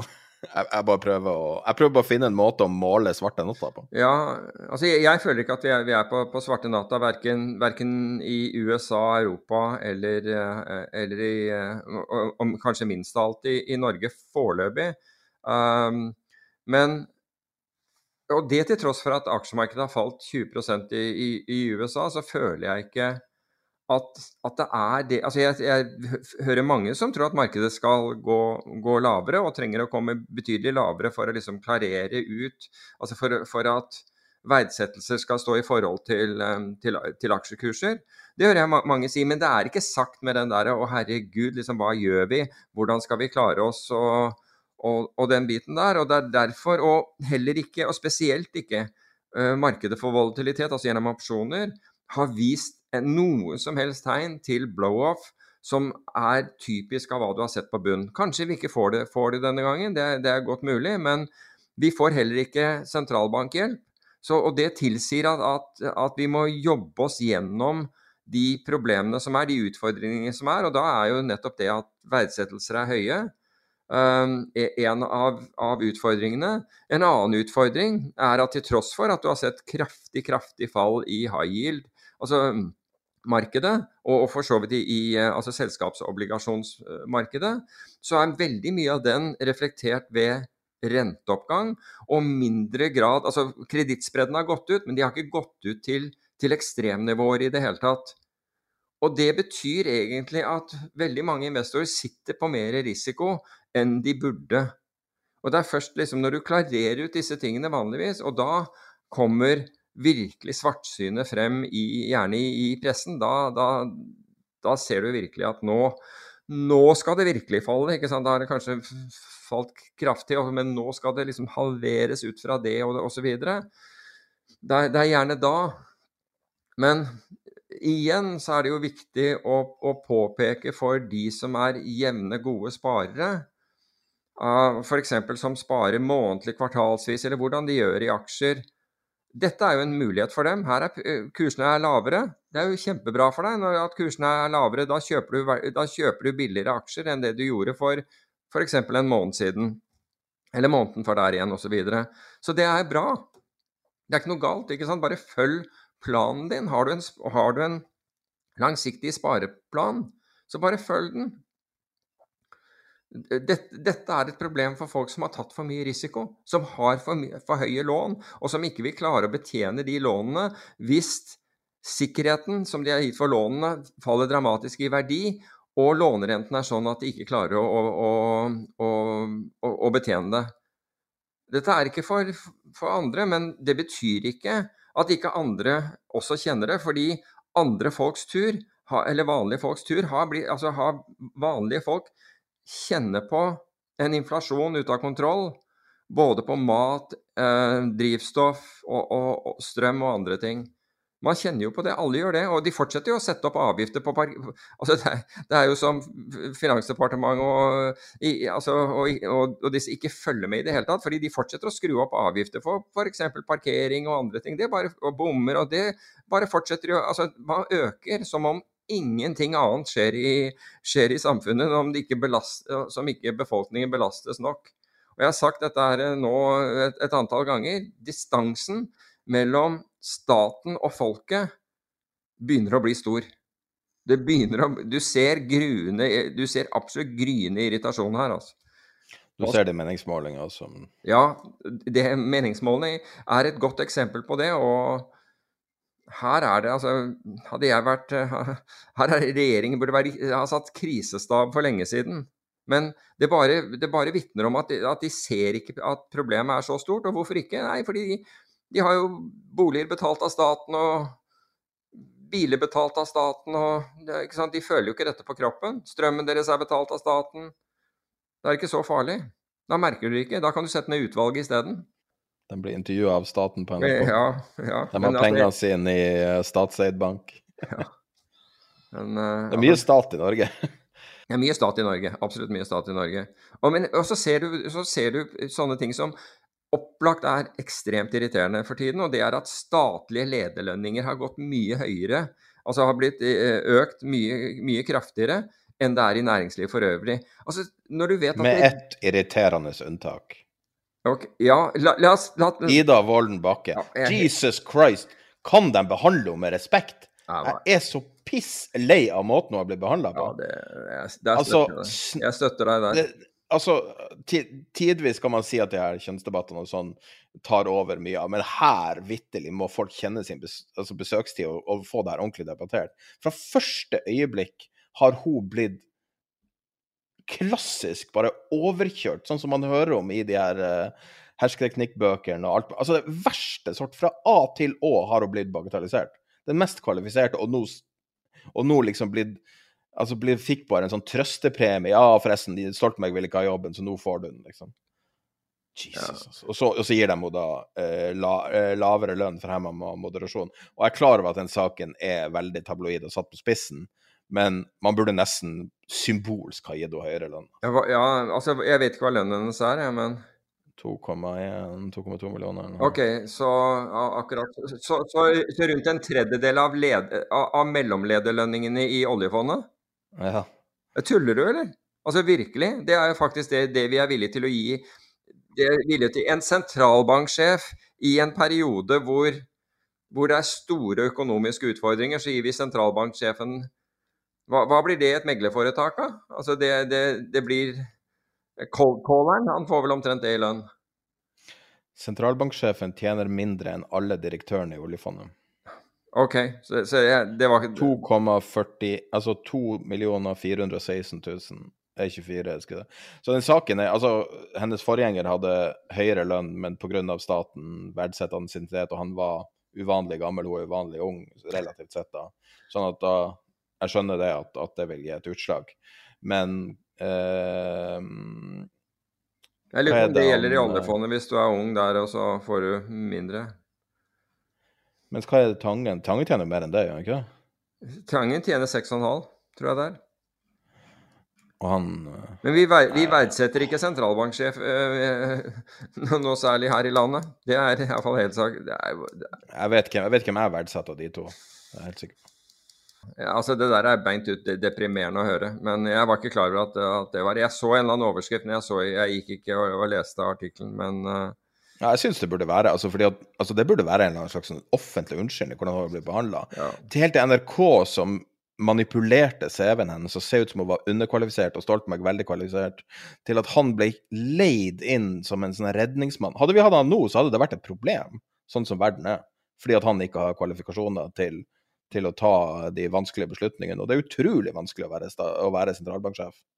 Hvert ord du sier, blir veid på, på vekt.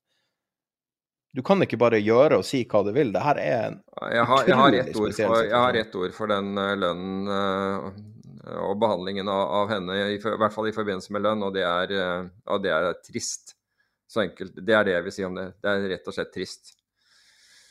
Men altså, bare tilbake til, eh, til, til resonnementet. Altså, når, når da folk, pensjonister og andre, ser at lederlønningene i staten, og, og ta Statkraft og, og Statnett, sant, som er bare en funksjon av av eh, norske naturressurser. Der liksom blåser man opp lønninger. Altså det der at vi feier ut strømmen 4,4 millioner tjener Statkraft-sjefen. Ja, men det at vi feier ut strøm pluss bonuser eh, Det at vi feier strømmen ut til, til, til utlandet, noe som gjør at det blir vesentlig kost, mer eh, kostbart for, eh, for alle bebyggerne her i landet, det skal premieres med høye lønninger for, for eh, statlig ansatte? Are you kidding me?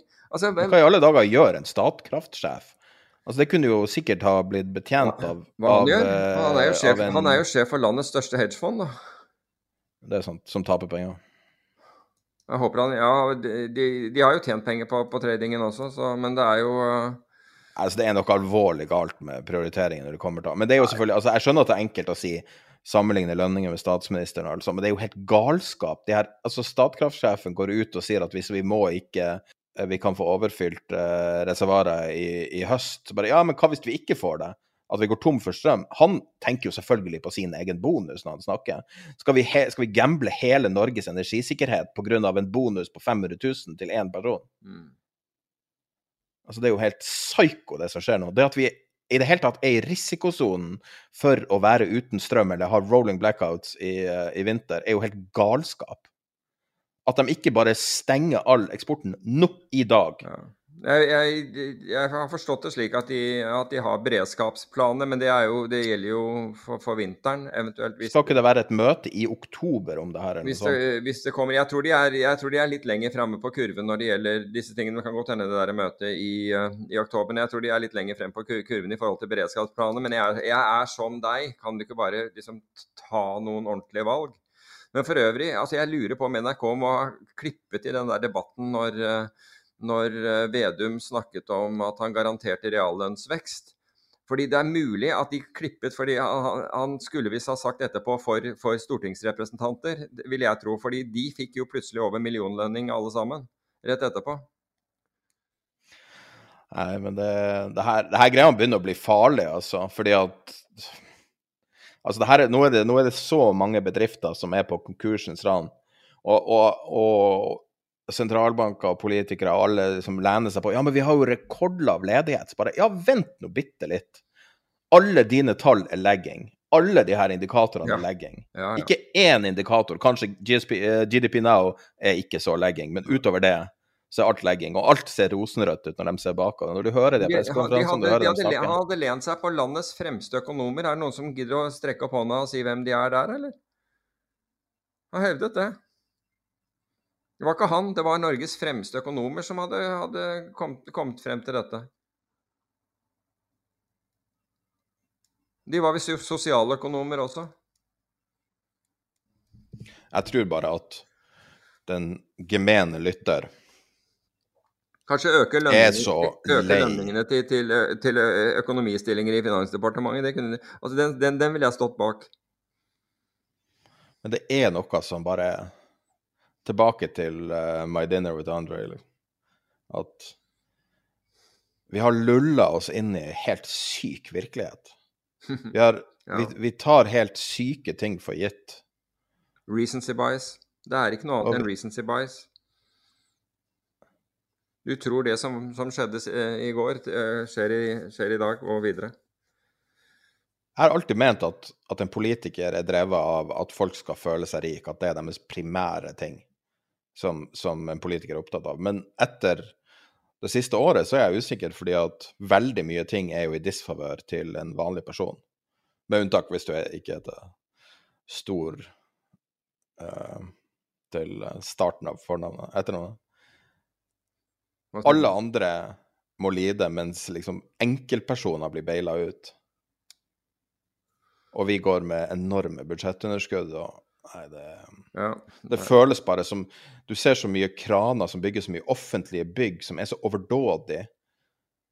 For ofte så er jo kran er jo et sunnhetstegn for en by. At hvis det er mye kraner, så er det mye vekst. Mm. Fordi at det bygges. Men i Norge så er det jo sånn at all, alle prosjektene er offentlige, og veldig overdådige og veldig meningsløse. Bygge bygg som ingen trenger. I utallige museumer, for eksempel. Museer, heter det vel. ja, bli flotte, da, får vi, får vi, får vi håpe. Men én ting jeg er enig med dem i. Ikke putt mer penger inn i SAS, for guds skyld, altså. Nei, altså jeg bare, jeg syns synd på hele greia. Altså, det, må jo, det må jo gjøres noe. Det er klart at, at Det er jo ingen som, fristes å putte penger inn i noe som har sånn turbulens. Altså Hvis du, hvis du mister IP-en og, altså, og IP-en er definert her, her som, eh, som pilotene, og det kan sikkert føles urettferdig, for det er ma masse annet der også, selvfølgelig. Men det er en vesentlig del av IP-en er jo at, eh, at man, man kan fly. Uh, IP en intellectual property, det med ja. Ja, Det er jo Hvordan- ikke, er ikke IP i sånn forstand, men? Altså, det er, altså, tenk deg hvis du skulle vurdert SAS som en investor, da. Hva er det å vurdere? Ja, men- Flyene har de jo solgt for 18 år siden. No, that's my. That's my, that's my point. Og du i tillegg da har, har problemer med, med, med pilotene. Altså, jeg det jeg mener, jeg er et stor fan av SAS selv. Um, liker, liker godt å fly med dem. Så jeg ville synes det er dritt synd hvis, uh, hvis SAS opphører. Jeg tror SAS har mista sjela si for lenge siden. Altså. Nei, jeg er ikke enig, men uh, jeg er ikke enig, fordi jeg syns folkene utgjør det, og jeg syns Ja, men de er jo for alle vinner, de aller fleste nå. ikke sant? Ja, ja, nei, men jeg syns det fortsatt at, at det er hyggelig, men uh, meg om det. Jeg, jeg, vet, jeg har bedre opplevelser på Flyr, f.eks. Det er jo masse eks-SAS-folk og ex-Norwegian-folk. Jo, jo, men altså, det, jeg snakket om det, det forleden, og jeg hadde kjempebra opplevelse med, med Flyr, som jeg da fløyt uh, to ganger, og det var veldig bra opplevelse uh, begge, og absolutt. Så, så det er ikke det. Det er ikke, det er ikke for å sette dem opp mot hverandre, jeg bare sier at jeg, jeg har det. Skal jeg gi deg et, et, et, et godt eksempel på inflasjon? To dager i Legoland med én natt på hotell for to voksne og to barn, hva tror du det koster? Nå snakker jeg ikke om med reise. Legoland. Legoland. Den i eh, San Diego, eller den Nei, i Danmark. Nei, nei, Danmark. Du, jeg tror ikke det er Legoland i, Dan i San Diego, er det det? Er en, det er en Jo, jo, det er der, det. men er det det? Ok, greit. Nei, det var den i Danmark. Mellom Los Angeles og Uh, Nei, jeg vet ikke. Ikke jeg, har ingen Nei, er jeg har ikke unger, så jeg har ingen billett. dette er, inngang, dette er inngangsbillett, ikke sant? Og det er inngangsbillett og én overnatting på, eh, overnatting på hotell. 21 000.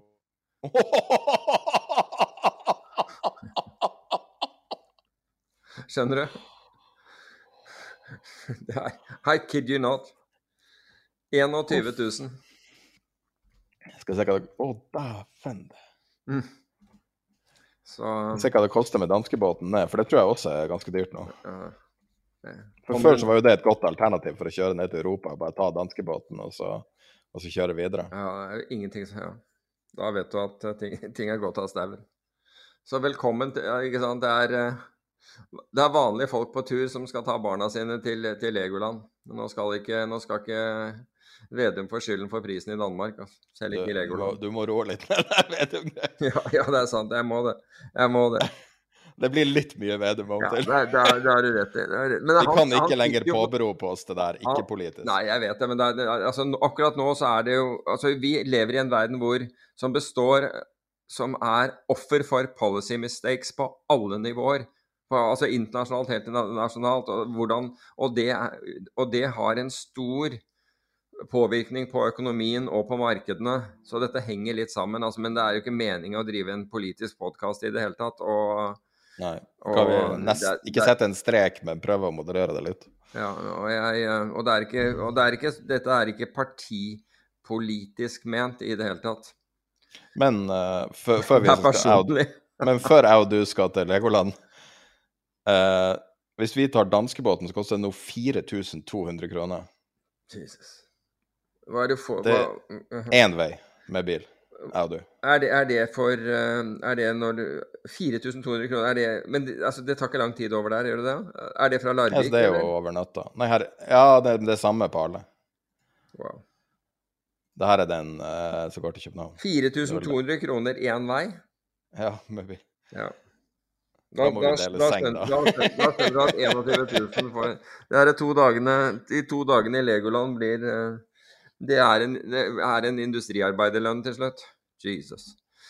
Men hvem i alle dager er det som har Det er jo ingen som har råd til å betale det. Det fins jo ikke mennesker som har råd til å betale 21 000 for Legoland. Nei, sånn er, altså Hvis du har lov, lovet barna dine på forhånd at dette her skal gjøres, så er det litt vanskelig, da. For å si det forsiktig. Jeg skjønner det. Det er en god venn av meg som, eh, som fortalte meg dette. Det er faen det sykeste inflasjonen. Og, og, og bestilt. Han betalte det? Ja, han gjorde det. Han han lovet barna dette her i lang tid, ikke sant. Og hva skal han gjøre? Ja, han kan jo kjøpe dem en helt OK bruktbil liksom.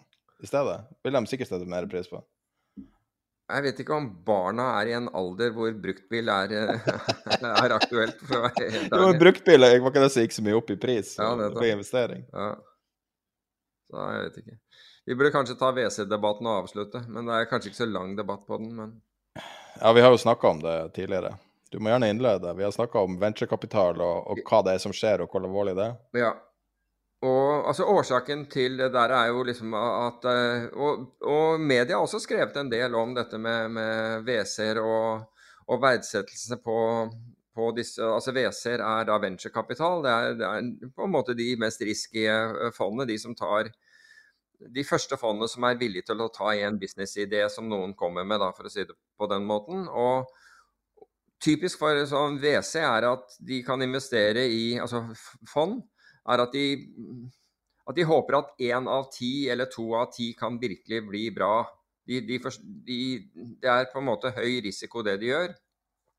Og i, og i, det siste så har det jo vært snakket mye om at de ikke har redusert verdsettelsene sine osv. Og, så og at det ligger en latent bombe her hvis, når disse, når disse venture, uh, venturefondene hvis de må da justere verdsettelsene sine.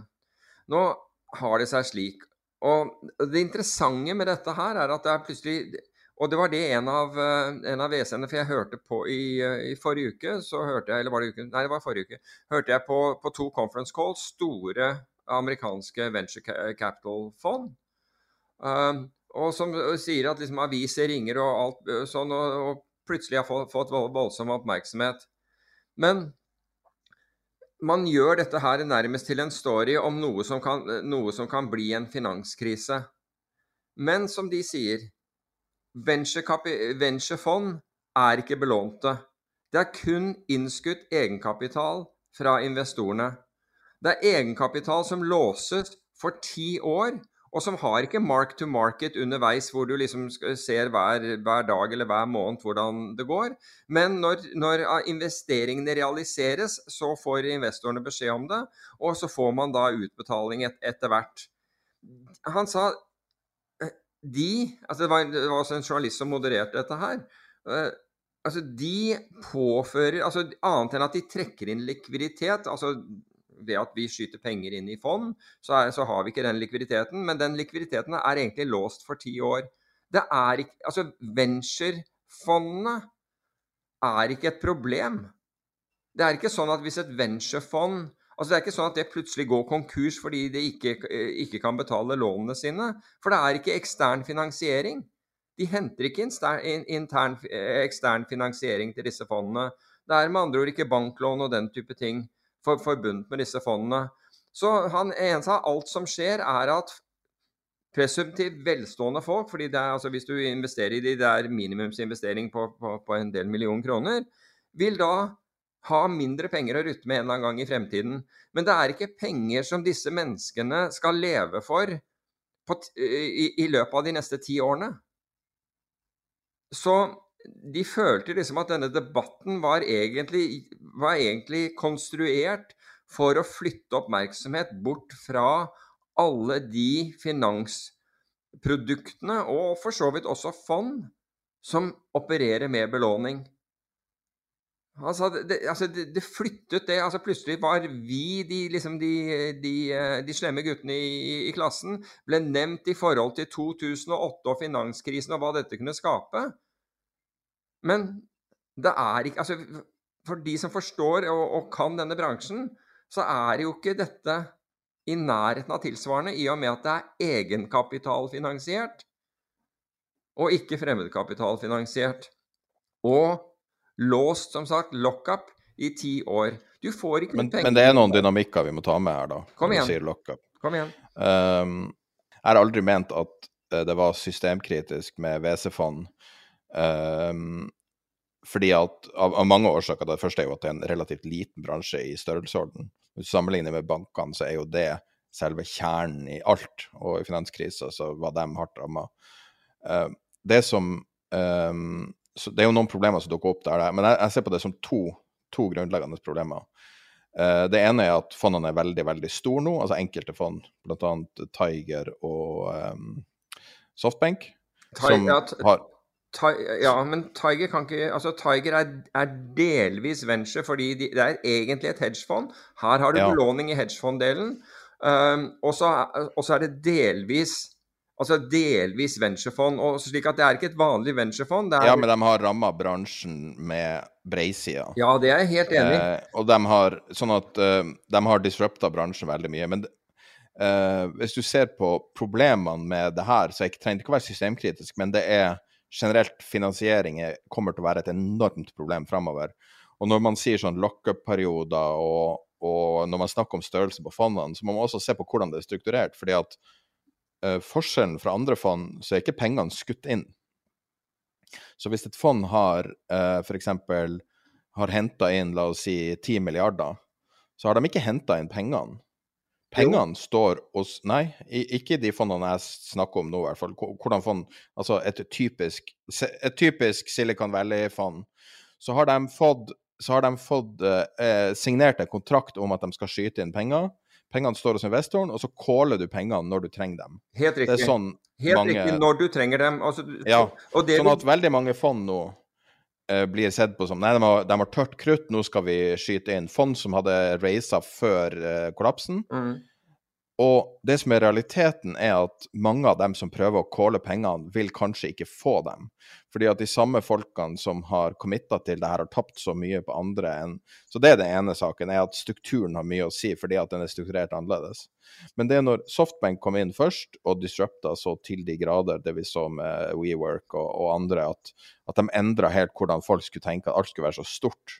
Så kom de inn i en bransje som har vært nesten statisk størrelsesmessig i alle år like stor, ca. 10 milliarder dollar, tror jeg det var.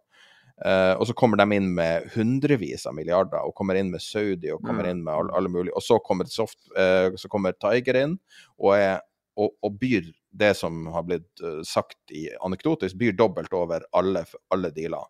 Sånn at alle dealer blir dobla opp, bare de er involvert. Og de var interessert i å komme inn pre-IPO, fordi at de skulle da gå ut med IPO-en for, mm. få liksom den, for å få liksom den ekstra alfaen. Og eh, det som jeg ser på som problemet med alt det her, er at troverdigheten til fundraising nå har blitt drastisk svekka, og kan være langsiktig svekka, som vil skade alle nye firmaer framover. Og den tredje faktoren er at eh, hvis du ser på insentivstrukturen til de fondene her etter krypto kom inn som ei bombe, har, tror jeg, endra seg. Fordi at når du ser på Vanligvis så har et WC-fond gått inn med små beløp. Enten, de har hatt tre, fire, fem forskjellige strategier. Ofte har det vært tidlig fase. Uh, og, og, veldig små beløp. Hundrevis av tusen, kanskje noen få millioner de har skutt inn. Veldig tidlig. Og og så ser du at det har vært strukturen. De har låst, uh, altså closa fondene, og så har fondene stått låst i syv-ti år, eller noe sånt, og så får du tilbakebetalt enten aksjer eller penger når de blir børsnotert.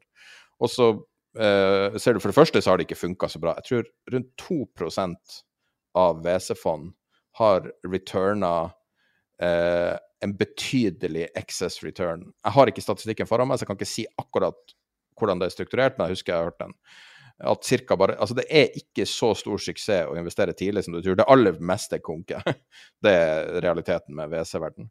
Men når du ser på den nye insentivstrukturen etter krypto kom, så ser du at eh, veldig mye folk som har vært eh, relativt eh, eh edruelig i alt de gjør, har blitt veldig sånne heiagjengfolk. F.eks.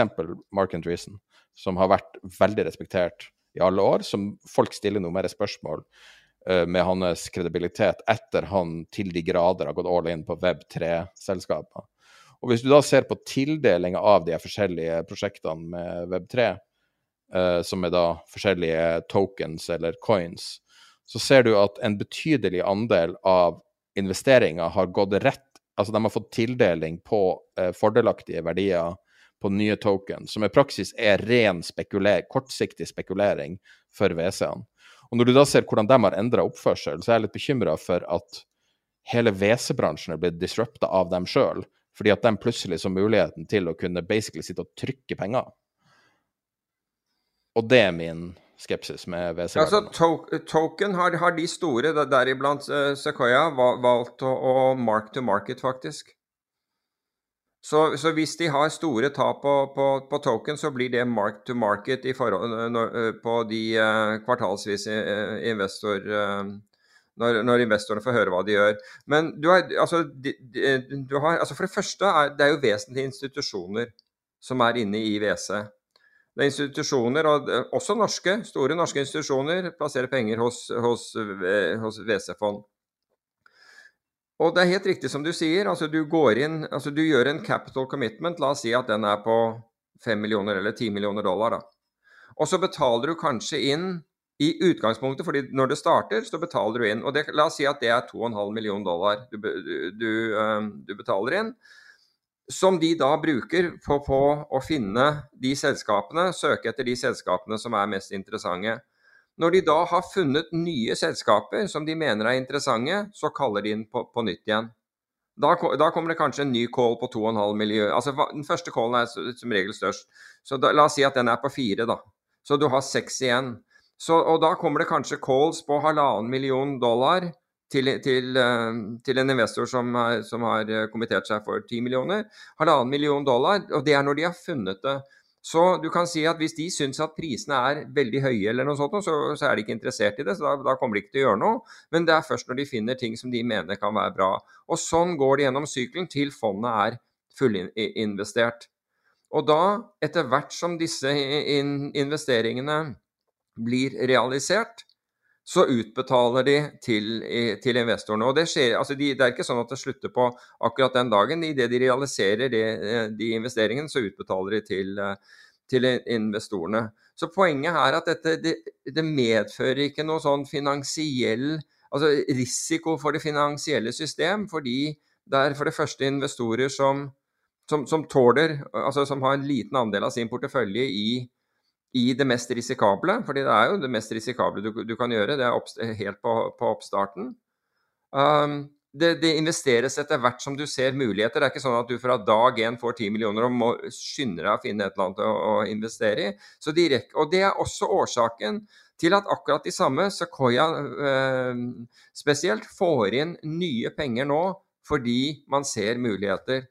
Og Det er derfor det fortsetter å allokere. Så, så de utgjør ikke altså det, Jeg er helt enig i at ting som Softbank, det, beskrivelsen din av Softbank og for så vidt uh, Tiger Global, som er et hedgefond som plutselig begynte å, å skulle ha en andel av sin portefølje. Altså Hvis du var investor i, i Tiger Global, og du får beskjed om at du nå endrer vi strategi, nå skal 30% eller hva de har, være i venture-type venture, investeringer, da har du anledningen til å si vet du hva, det, det er ikke det jeg har signa opp for, takk for meg, og ta pengene dine.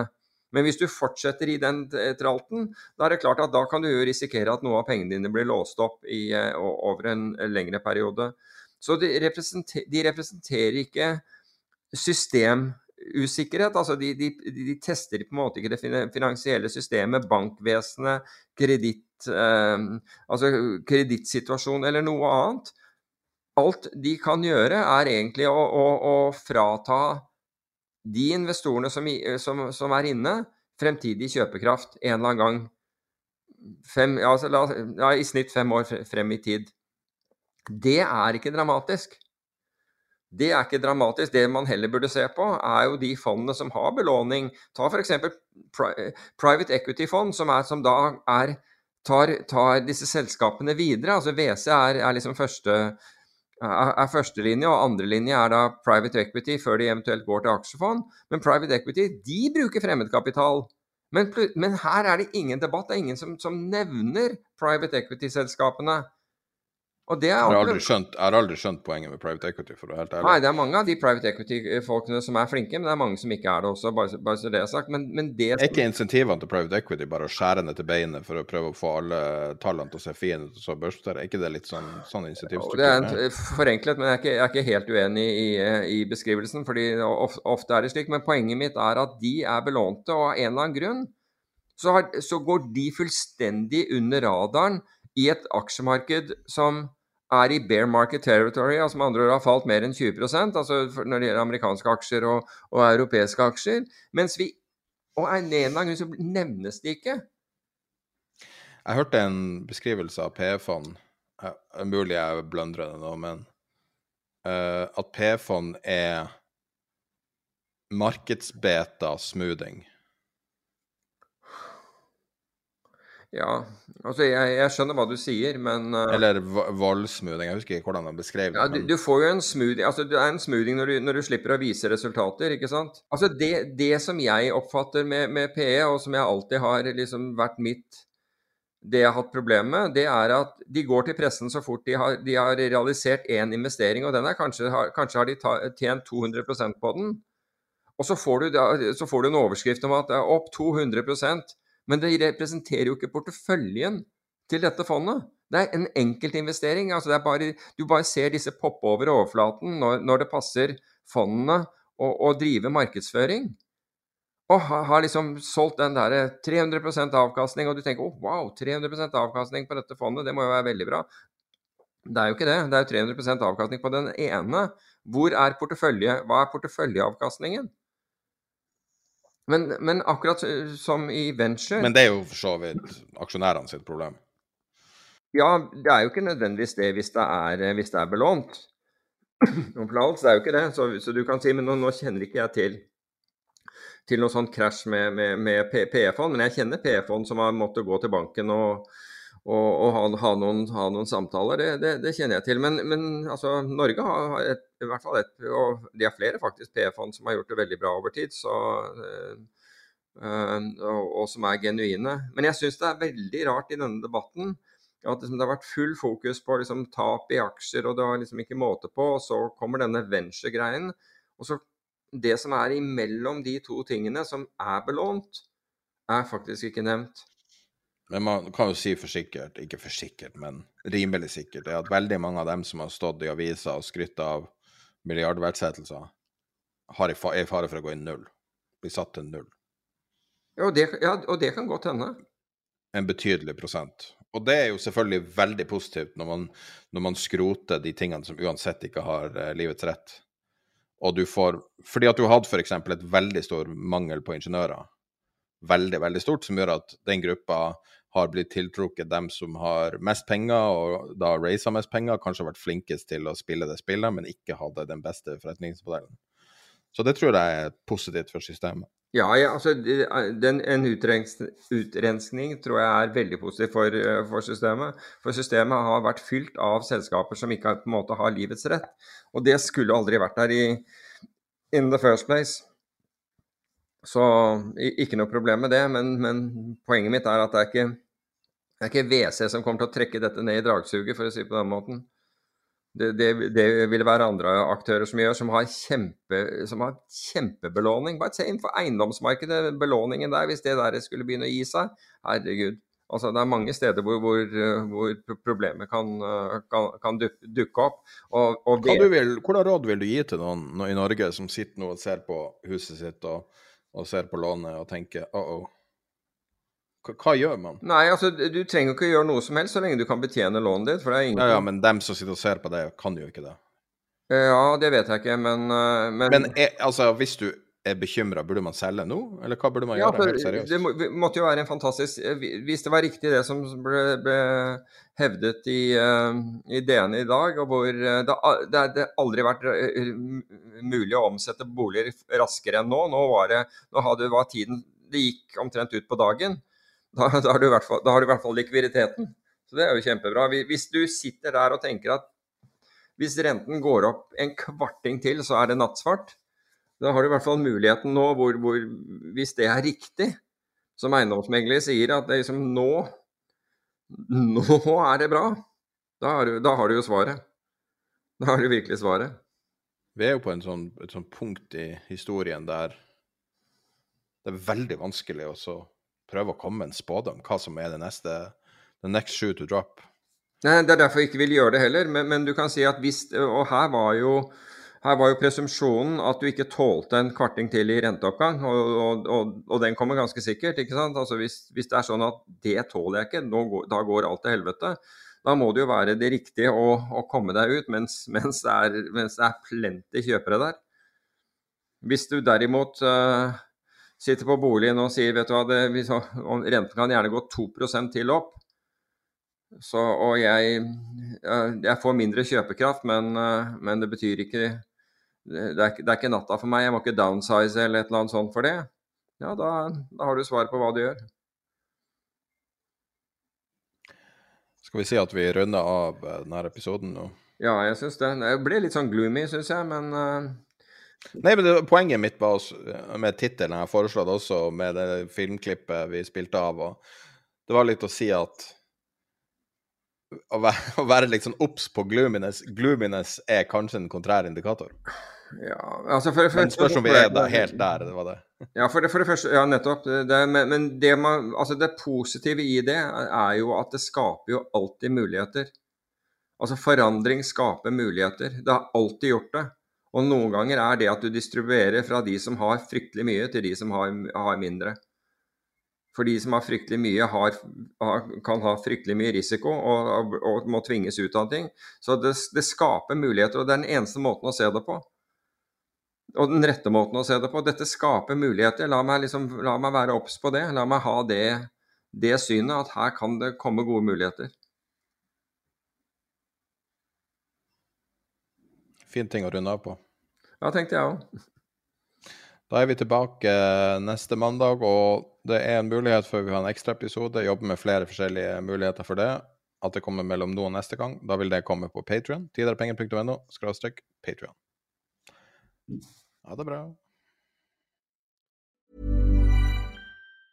Hey, it's Danny Pellegrino from Everything Iconic. Ready to upgrade your style game without blowing your budget? Check out Quince. They've got all the good stuff shirts and polos, activewear, and fine leather goods, all at 50 to 80% less than other high end brands. And the best part? They're all about safe, ethical, and responsible manufacturing. Get that luxury vibe without the luxury price tag. Hit up quince.com slash upgrade for free shipping and 365 day returns on your next order. That's quince.com slash upgrade. Hi, I'm Daniel, founder of Pretty Litter. Cats and cat owners deserve better than any old-fashioned litter. That's why I teamed up with scientists and veterinarians to create Pretty Litter. Its innovative crystal formula has superior odor control and weighs up to 80% less than clay litter. Pretty Litter even monitors health by changing colors to help detect early signs of potential illness. It's the world's smartest kitty litter. Go to prettylitter.com and use code ACAST for 20% off your first order and a free cat toy. Terms and conditions apply. See site for details.